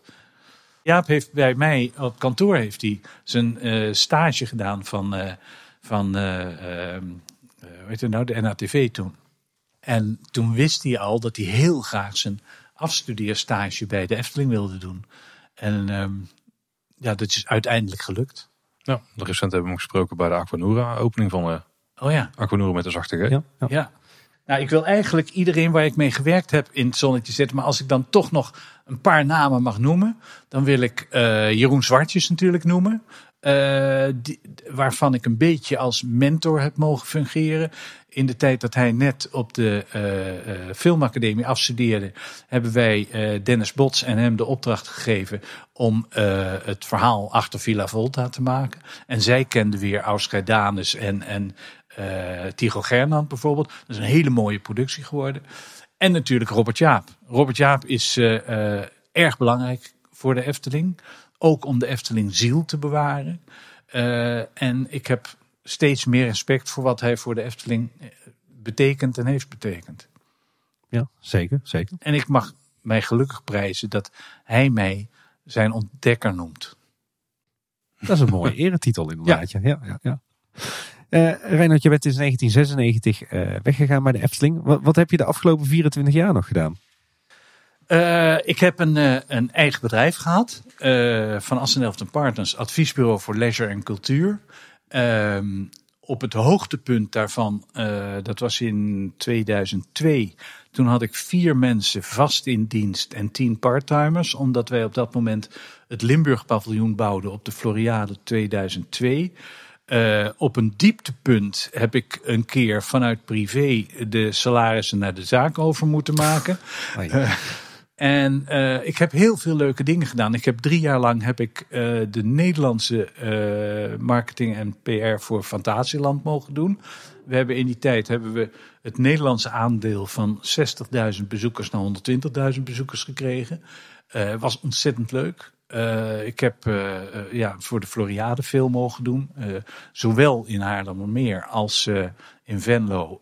en nu al een paar dingen voor, voor Almere. We hebben in totaal hebben we zo'n nou, ergens tussen de 240 en de 250 projecten gedaan in die afgelopen 23 jaar. Ehm, en dat varieert van klein tot, tot groot. Uh, en alles in de vrije tijdsector. Dat vind ik zo heel leuk. En dat is geweest voor theaters, voor musea, voor uh, brancheorganisaties, maar ook voor, veel voor gemeenten. Als iemand in een gemeente weer riep van we gaan uh, iets groots nieuws bouwen, dan kwamen ze bij ons van klopt dat wel? maar ook hebben we wel eens gezegd, als je 30.000 bezoekers meer wil hebben, dan moet je bij ons zijn. Dan gaan we wat verzinnen. Ja. En dat helpt ook om klanten te werven. Ja. Volgens mij een van de, de, de meest aansprekende projecten waar je mee bezig bent geweest, dat kwam laatst ergens voorbij in een andere pretpark podcast volgens mij, is uh, Captain Jack. Ja. Wat, wat was dat of wat is dat? Dat is uh, wat. Uh, dat is een project van Jack Schoepen. Jack Schoepen is de zoon van Bobbejaan Schoepen van Bobbejaanland. En uh, een jaar of wat geleden, ik geloof dat dat zelfs in 2005 geweest is, hebben zij het park verkocht. En uh, daarna is Jack begonnen met het ontwikkelen van nieuwe ideeën. En uh, uiteindelijk is dat samengekomen in een uh, project dat heet Captain Jack. En als je me nou vraagt, wat is Captain Jack? Dat is een groot project waar een Family Entertainment Center in zit. Maar het, het, het speelt zich af op een fungeerde, gefingeerde airport. En alles wat er op een airport gebeurt, dat kun je daar zien en beleven en dergelijke. Er staan bijvoorbeeld twee Boeing 747 staan er. De een is een hotel en daar zitten hotelkamers in. De andere is een uh, congrescentrum. En dat zijn uh, gepensioneerde, echte Boeing 747's. Die zijn natuurlijk de, ja, de koninginnen van de sky eigenlijk. Nou, dan heeft hij een uh, klimtoren heeft hij erbij. Heeft zo'n skydive uh, dan zit er een groot horecacentrum bij, er zit een hotel bij, een parkeergebouw, een, een science center zit erbij en een theater. Nou, dat alles is op vijf hectare ongeveer. En Jack is bezig om daar een locatie voor te vinden. Hij zou dat eerst gaan doen bij Sunparks in Vlaanderen. Maar dat is fout gelopen, omdat uh, Sunparks een hele tijd heeft samengewerkt met hem, maar uiteindelijk de, de, de erfpacht van de grond niet wilde overgeven aan hem, waardoor hij geen enkele reden meer zou hebben om daar te gaan bouwen. En hij zoekt nu een andere locatie en is daarvoor in vergaande on, onderhandeling met de overheid. Met de Vlaamse of de Nederlandse overheid? Met de Vlaamse overheid. Maar er is ook al belangstelling geweest van, vanuit Nederland.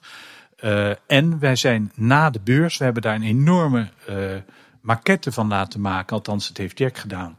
Uh, en die maquette die is gegaan naar de IAPA-beurs in Parijs vorig jaar. En daar was ontzettend veel belangstelling voor.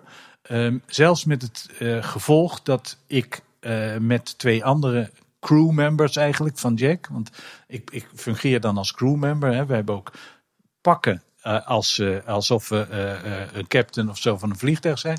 Maar ik ben met twee anderen ben ik naar Qatar gevlogen vorig jaar, waar we een project zouden gaan doen.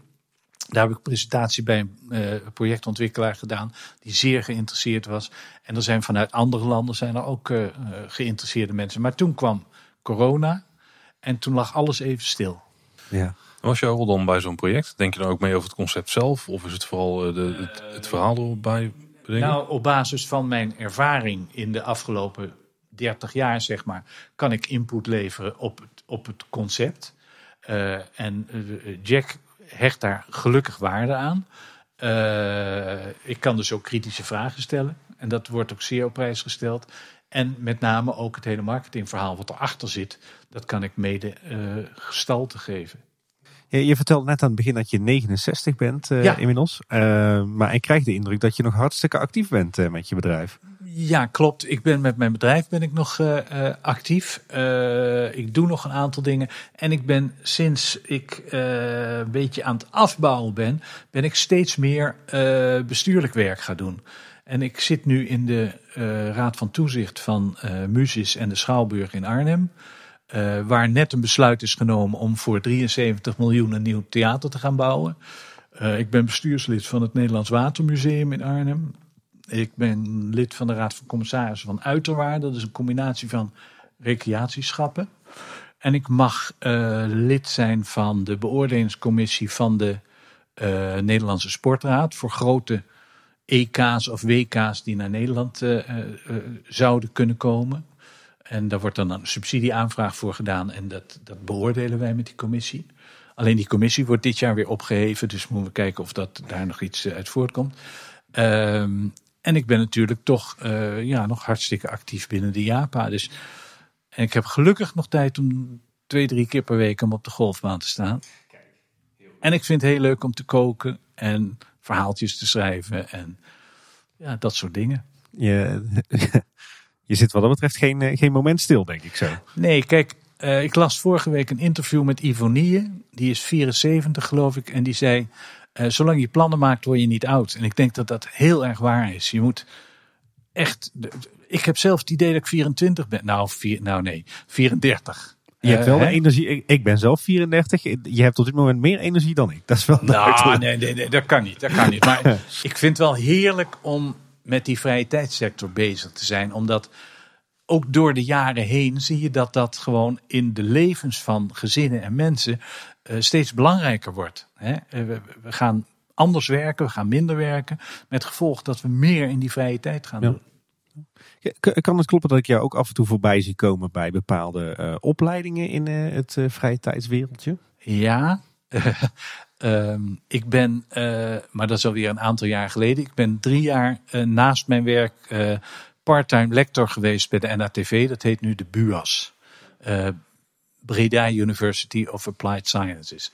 En dat was ontzettend leuk om te doen. En ja, nog steeds begeleid ik af en toe studenten die zich aanmelden uh, voor ofwel een gesprek ofwel uh, ja, andere dingen. Kijk. En, en ik zie je redelijk vaak nog op Twitter voorbij komen met uh, posts over de vrije tijdsindustrie. Ja, vind ik leuk. dan, dan, ja, dan komt er iets voorbij. En dan denk ik, goh, hoe zou dat... en dan, dan gooi ik weer iets de lucht in. Ja. Het, is wel duidelijk dat je uh, echt wat hebt met uh, de vrije tijdssector. En dan druk ik me nog heel, uh, heel zachtjes uit. daarover gesproken, heb je eigenlijk nog, buiten de Efteling natuurlijk, bepaalde favoriete parken in de wereld? Waarvan je zegt, nou dat moeten jullie luisteraars, die moeten daar echt naartoe. Ja, het park waar ik het meest van onder de indruk ben, dat is Puy de Fou in Frankrijk. Ongelooflijk mooi park. En dat is eigenlijk een beetje, als je het ziet, uh, ik ben er drie jaar geleden voor het laatst geweest of zo. Uh, was het in de sfeer zoals de Efteling in de jaren tachtig was. Met onverharde paden en een hele mooie natuurdoorkijkjes en dergelijke. Maar het is een heel ander soort park. Het is een, het is een theaterpark. En ik heb altijd bij de Efteling heb ik gezegd dat is het grootste theater van Nederland. Hè? ook omdat ik uit die theaterwereld kwam. Maar dit is echt een theaterpark waar je van show naar show naar show gaat. En daar moet je uh, dat moet je ook echt plannen. En die doen op de vrijdagavonden en de zaterdagavonden doen ze een show. Uh, dat gaat over de geschiedenis van de Vendée. En daar zijn ze ooit begonnen met een tribune van 600 mensen en een aantal vrijwilligers die dat uh, spelen, die show. En nu is het zo dat daar, ik geloof, 1200 vrijwilligers aan meedoen. Die ieder weekend daar naartoe komen. Er zijn vijf dorpjes gemaakt. Waar die mensen dan uh, uh, op het terrein van het park kunnen eten, kunnen zich verkleden, weet ik veel wat allemaal. En dan spelen ze die show. En die tribune van 600 mensen is inmiddels uitgegroeid tot een tribune van 15.000 mensen. En, dat zit, en je moet echt eh, in januari moet je je kaarten bestellen als je eh, ergens achter in augustus of in juli daar wil gaan zitten. Ze hebben ook een Applause Award een paar jaar geleden gewonnen. Prachtig park. Een van de beste parken die ik in de wereld ken. Eh, en dan zijn er natuurlijk parken als bijvoorbeeld Epcot in, in Orlando. Vind ik ook heel erg mooi. En ik ben ook een liefhebber van Europa Park. Hoewel dat ook alweer iets heel anders is dan wat we kennen. Maar de Efteling blijft natuurlijk het allermooiste wat er is. En, en zijn er zo ook bepaalde attracties op de wereld waarvan je zegt van nou die hebben een diepe indruk op mij gemaakt? De show van Puy de Fou. Eh, ik ben meer van, van shows en entertainment dan, eh, dan van eh, attracties. Bijvoorbeeld als je kijkt naar het Harry Potter verhaal in Universal in Orlando. Dan vind ik de decoratie, de pre-show en alles vind ik eh, fantastisch. En zodra je die show in moet met eh, die eh, eh, bewegende dingen allemaal, ben ik weg. Daar ga ik niet in. Eh, net zoals bij eh, eh, Avatar. Hè, eh, heb ik één keer gedaan, ga ik nooit meer in. Maar hij is wel prachtig. Ja, dan stel ik de vraag anders. Zijn er dan favoriete shows of spektakels van jou op de wereld? Eh, ik wil nog een keer naar Puy de Fou. Eh, en wa- wat ik ook jarenlang heel erg mooi heb gevonden was de sluiten, sluitingsshow van Epcot eh, bij Disney. Maar heel terecht heeft een van de mensen die ik dan altijd daarmee naartoe nam, die heeft me erop gewezen dat dat milieutechnisch gewoon niet meer kan met al dat vuurwerk en die vlammenwerpers en dergelijke. Dus ja, ben ik het wel mee eens. Dat moet, moet veranderen. Kan de Efteling eigenlijk eh, nog wat leren van, eh, van, van andere parken? Nou, de Efteling is altijd eh, toonaangevend geweest. Dus de ideeën die bij de Efteling naar boven komen, en er zitten hele goede mensen voor, die, die zullen altijd nagevolgd worden in de Efteling. In de wereld bedoel ik. Want de Efteling is een toonaangevend park. Bob Rogers heeft daar ook uitspraken over gedaan. Die, die echt zegt van wat hier gebeurt, dat is zo origineel en zo mooi. eh, en daar leren anderen van. Wat ik denk dat eh, bijvoorbeeld iets is wat in de Efteling goed zou kunnen, maar ik weet niet of het te realiseren is, eh, is bijvoorbeeld een, zo'n show als ze in Rotterdam hebben gedaan met oudjaar met, ik geloof, 300 drones of zo. Dat zou een prachtig spektakel ook in de Efteling kunnen zijn. Ik weet niet of het kan, ik weet niet of het wat kost. Maar als, als spektakel zou ik het geweldig vinden. Naast iets als Aquanura bijvoorbeeld. Want Aquanura is natuurlijk ook uniek. Echt toonaangevend. Ja. Ja, Eh, want, want kom jij nog wel eens in de, in de, de Efteling? eh, alleen als ik uitgenodigd word. Eh, wa- wat is de, de laatste keer geweest dat je in de Efteling was? Het was een uitnodiging die ik kreeg van eh, Jaap den Bleker om Symbolica te komen bekijken. En daar heb ik heel veel van genoten. En toen was ik samen overigens met een klant van mij. Eh, dat was eh, het park van Swarovski uit eh, Oostenrijk. En die heeft, Koen Bertens heeft toen een hele verhaal verteld, een rondleiding. En Jaap heeft ons toen Symbolica laten zien. En, en wat, wat, wat vind je dan van de huidige Efteling als, als je er rondloopt? Hè? Je, je, hebt, je bent in 1996 ben je zelf eh, weggegaan. Ja. Eh, en als je ziet wat er de laatste jaren eh, is neergezet, wat, wat, wat vind je daar dan van? Ik geniet van al die dingen die neergezet zijn. Kijk naar de Baron. Kijk naar de Vliegende Hollander. Eh, de, de duo-achtbaan. Eh, ik vind het prachtig. Symbolica vind ik ook prachtig.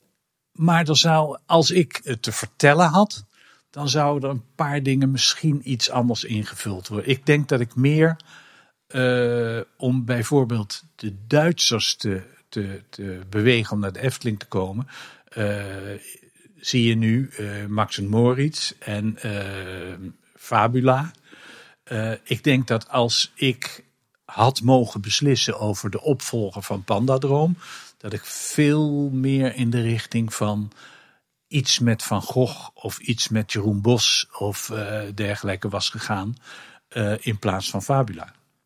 Maar goed, dat is een hele persoonlijke invulling. Maar ik, ik ben dus meer van zeg maar de cultuur en, en, en dat soort entertainment dan van het typische attractieinvulling. Oké, ja, begrijpelijk. En wat, wat we ook altijd vragen als laatste vraag aan onze interviewgasten is: heb jij zelf nog een, een advies voor de Efteling, voor de toekomst van het park en het bedrijf? Nou, dat is eigenlijk wat al bijna 70 jaar ja, de Efteling gedreven heeft. En dat is blijf bij je roots. Blijf alsjeblieft bij je roots. En verdedig die ook altijd. En ik heb nog wel een vraag voor de Efteling. Of ik uh, straks over, uh, wat is het, 31 jaar door een roosje mag wakker kussen. Dat willen wij ook, Reinoud. Maar ik word dan 100 en jullie niet. Nee, dat, nee, dat scheelde Ja. Dan heb je toch een streepje voor op ons. Dank je, dank je wel. Hey Reinhard, we willen jou van harte bedanken voor dit interview. Um, we zetten in de show notes nog een aantal linkjes uh, over jou. Dus dan kun je bijvoorbeeld op Wikipedia lezen wat je allemaal hebt gedaan voor de Efteling.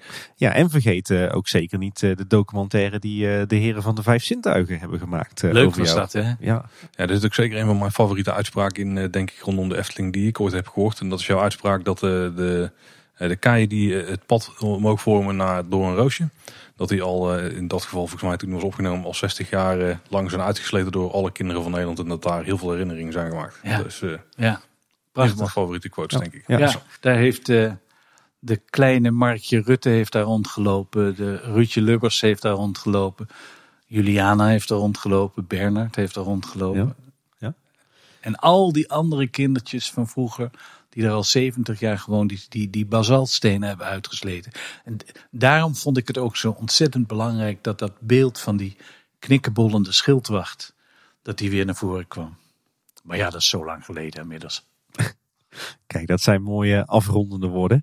Ja, Reinoud, dan rest ons uh, denk ik uh, niets meer behalve dan jou ontzettend te bedanken uh, voor jouw aanwezigheid hier. Voor het ontzettend openhartige interview. We hebben er echt van genoten en ik denk onze luisteraars ook wel. ja, ontzettend bedankt. Ja, we eindigen altijd met de plekken waar mensen ons kunnen volgen of vinden online. Maar waar kunnen mensen jou online vinden? Nou, online, je hoeft mijn naam maar in te tikken op welke zoekmachine dan ook. En dan komt er van alles naar boven. Ik doe zelf niet zoveel meer aan uh, mijn website. Maar uh, als je die wil bezoeken, dan is het uh, www.vanassendelftpartners.nl. Ik weet niet waar ik te vinden ben, maar ik ben te vinden op Twitter. Op R van Assendelft. Heb je vragen voor ons? Dan kun je die op heel veel verschillende manieren bij ons krijgen. Bijvoorbeeld via Twitter ook. Daar zijn wij Edka Boodschap. En op Facebook en Instagram zijn we Kleine Boodschap. Onze website is kleineboodschap.com. Daar vind je alle afleveringen. Daar vind je ook de show notes. Dus dan kun je de linkjes checken die we net hebben benoemd. En dan kun je ook het contactformuliertje vinden om contact met ons op te nemen. Maar dat kan natuurlijk ook via info.kleineboodschap.com. Ja, en verder luister je ons in alle podcast-apps of op Spotify. En uh, zorg er ook voor dat je jezelf abonneert op ons. Dan uh, mis je geen enkele aflevering. Uh, en mocht je ons nou luisteren in Apple Podcasts, dan vinden we het ook leuk als je een, een rating of een review achterlaat. Zeker. Dat was in ieder geval voor deze week. Reinhard, nogmaals bedankt. Ik heb het met heel veel plezier gedaan. Bedankt voor het luisteren. Tot de volgende keer. En houdoe. Houdoe. Houdoe, Anne.